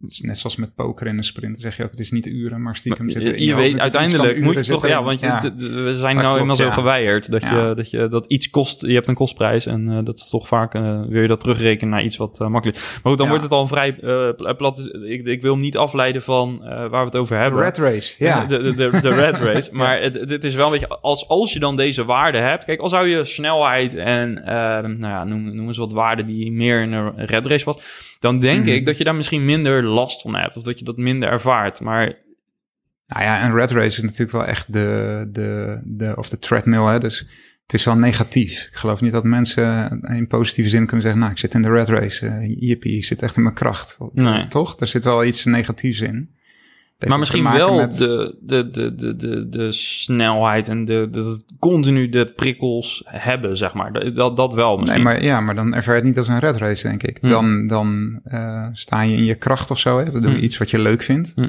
Er zijn mensen die dat heel fijn vinden in een dynamische, snelle omgeving te acteren. Maar een red race heeft toch ook wel iets in zich dat je geleefd wordt. Ja. En dat anderen jouw leven bepalen en dat je regie een beetje kwijt bent. En uh, ja dat je aan het eind van de week denkt van, uh, wacht, wat is er gebeurd eigenlijk afgelopen week? Ja, dat je zelf niet de controle hebt. Ja, dat is wat anders dan dat je zegt van, oh, ik hou wel van die dynamiek en uh, lekker in beweging zijn. Ja. Um, en ik denk dat die, die red race waar we ons in manoeuvreren af en toe, het is wel iets wat we onszelf aandoen, uh, ja. Heel, ja. Heel oplossingsgericht, maar wat, wat zou ons daaruit kunnen halen? Ja, ik denk dat het eh, dat reflecteren, hè, dat, dat heb ik ook pas eh, laat geleerd. Ik denk eh, toen ik 35 was of zo, wat daar het belang van is. Dat je gewoon terugkijkt op een situatie of op een, of op een dag of zo. En dat je afvraagt van nou, hoe is het eigenlijk gelopen en hoe komt dat zo? En dat zou ik volgende keer anders doen. Ja, dan ga je dingen herkennen. Dan ga je, als je drie dagen achter elkaar hetzelfde constateert, dan ga je herkennen dat je al drie dagen hetzelfde constateert. Heeft dus ook weer te maken met rust. Hè? Dus even de rust nemen daarvoor. Ehm, nou ja, en ook wel eh, kritisch zijn op wat je aan het doen bent. Ehm, ik ben helemaal met je eens, je kan niet continu plezier hebben, maar ergens moet je grosso modo aan het eind van de dag wel meer energie hebben opgebouwd dan dat het je gekost heeft. Ja, Eh, of nou, door de week heen gemiddeld moet dat zo zijn. Ehm, ik denk dat als je ontvankelijk bent voor dat soort nou, indicatoren of dat, dat wil herkennen bij jezelf, dat je al een eind op weg bent. ja. Eh, en dat lukt niet als je elke avond en zaterdag ook nog aan het werk bent en zondag eh, alleen nog maar eh, nou ja, tijd hebt om dan de boodschappen te doen en de klusjes die de rest van de week hebben liggen wachten. Dus rust is echt belangrijk, ja. ja. ja. Dan is cirkeltje wel een beetje rond, hè, volgens mij. Ja, ik denken, volgens mij kunnen we nog drie podcasts maken over dit onderwerp. Maar goed, ik ben wel benieuwd hoe de mensen hierop reageren. Ja, misschien moeten we dat eerst eens doen, voordat we alle luisteraars kwijt zijn. Ja. Wat was dit voor borrelpraat? Wat hadden die jongens Ja, gebruikt? niet met een lang broek. Veel te veel zuurstof. Ja, daar gaan we niet naartoe. Nee. Ja, Ja. Nee, eh, nou ja, ik heb het in ieder geval, eh, even heel egoïstisch dan maar, ik heb het naar mijn Ja. zin gehad. Dus eh, ik Heel hoop dat de luisteraars dat ook hebben. ja ik Ehm, vond het ook heel leuk. Ik vind het echt belangrijke onderwerpen ook. eh, eh, en ik hoop dat we een aantal dingen hebben gezegd waar mensen ook ja, iets aan hebben. Dat ze eh, voor zichzelf of voor hun team even een haakje hebben van, oh ja, daar kan ik wat mee. Ja, Dat zou echt gaaf zijn. Ja. Ze dat konden bewerkstelligen met z'n tweetjes, Johan. ja, dat, eh, dat hoop ik ook. Eh, nogmaals, eh, ik heb misschien meer, nou ik weet wel zeker dat ik meer vragen heb dan antwoorden. Dus ik ben misschien niet echt de go-to om eh, nou echt eh, met vragen te komen. Aan de andere kant sta ik er uiteraard voor open. Want eh, eh, de- misschien de dingen waar ik eh, tegenaan loop, loop jij misschien ook tegenaan. En kunnen we elkaar op die manier verder helpen.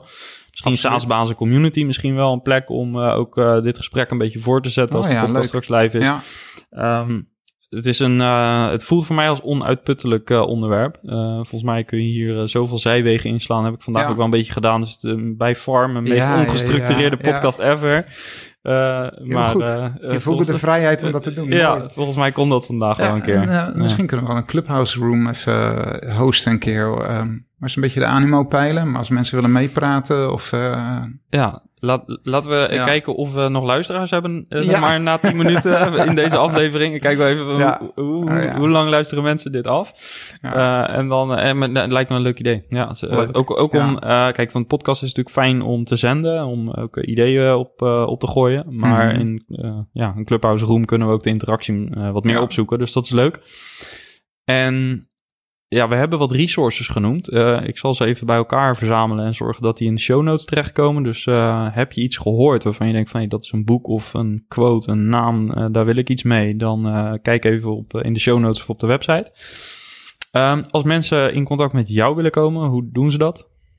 deed ik makkelijkst via LinkedIn. Ja, Daar ben ik te vinden onder Jan Martijn Broekhoff. ja. Ik twitter ook nog. Dus daar kun je me vinden onder Jan Martijn. Ook, Eh, en anders via jou. En eh, in de community ben ik ook. ja, dus, ook eh, die link eh, zullen we ook wel eventjes eh, opnemen.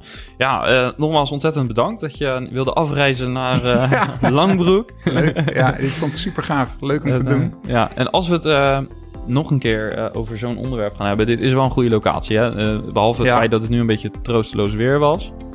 Als Zeker. in Ja. de zomer misschien een keer... Daar kom ik echt op de racefiets. En neem, nee, ik wou zeggen, neem de barbecue mee. Maar dat gaat dan weer niet goed. Ja. Ja. nou, er is wat mensen nog niet weten. Er is ook een hele leuke, ja, eh, nog een extra loods. ehm, waar je misschien zomaar met een mannetje of tien kan zitten. Misschien wel Ja. meer. Dat ligt een beetje aan de coronamaatregelen op dat moment. Ehm, we zouden eens kunnen kijken of we een leuke saasbazen barbecue of zo een keer hier zouden kunnen doen van de zomer. ja, leuk idee. Misschien wel leuk om dat hier eh, een keer te doen. Anderhalve meter afstand. Ja, ja. Ja, volgens mij. eh, ja, we hebben ruimte zat. Het is eh, een grote tuin. eh, die- echt super leuke plek. ja, Helemaal goed. mooi. Eh, nou, dan hebben we nog meer ideeën voor de komende Ja. tijd. Leuk voor je uitnodiging. Yes. Heel leuk gesprek. Ja, en na dit gesprek hoef ik denk niet zo heel veel na te bespreken. En daarom vooral nu een vraag aan jou als luisteraar. Je hebt het tot nu toe volgehouden in deze aflevering. Dat kan betekenen dat je het super interessant vond. Of je hebt je anderhalf uur zitten luisteren met het gevoel: ik zie het heel anders. Uh, wat je mening ook is, ik hoor hem graag. Zoals gezegd in het intro, uh, laat weten wat je vindt, hoe jij het ervaart. Ik ben oprecht benieuwd naar je ervaring en naar jouw zienswijze op de manier waarop we werken aan onze bedrijven en invulling geven aan onze ambities. Laat dus een review achter en als je lid bent van de SaaS Bazen Community, reageer dan daar op het gesprek. En ben je nog geen lid van de community, aanmelden kan via community.saasbazen.nl. Goed, ontzettend bedankt voor het luisteren naar deze bijzondere en extra lange aflevering. Tot volgende week. Ciao, ciao.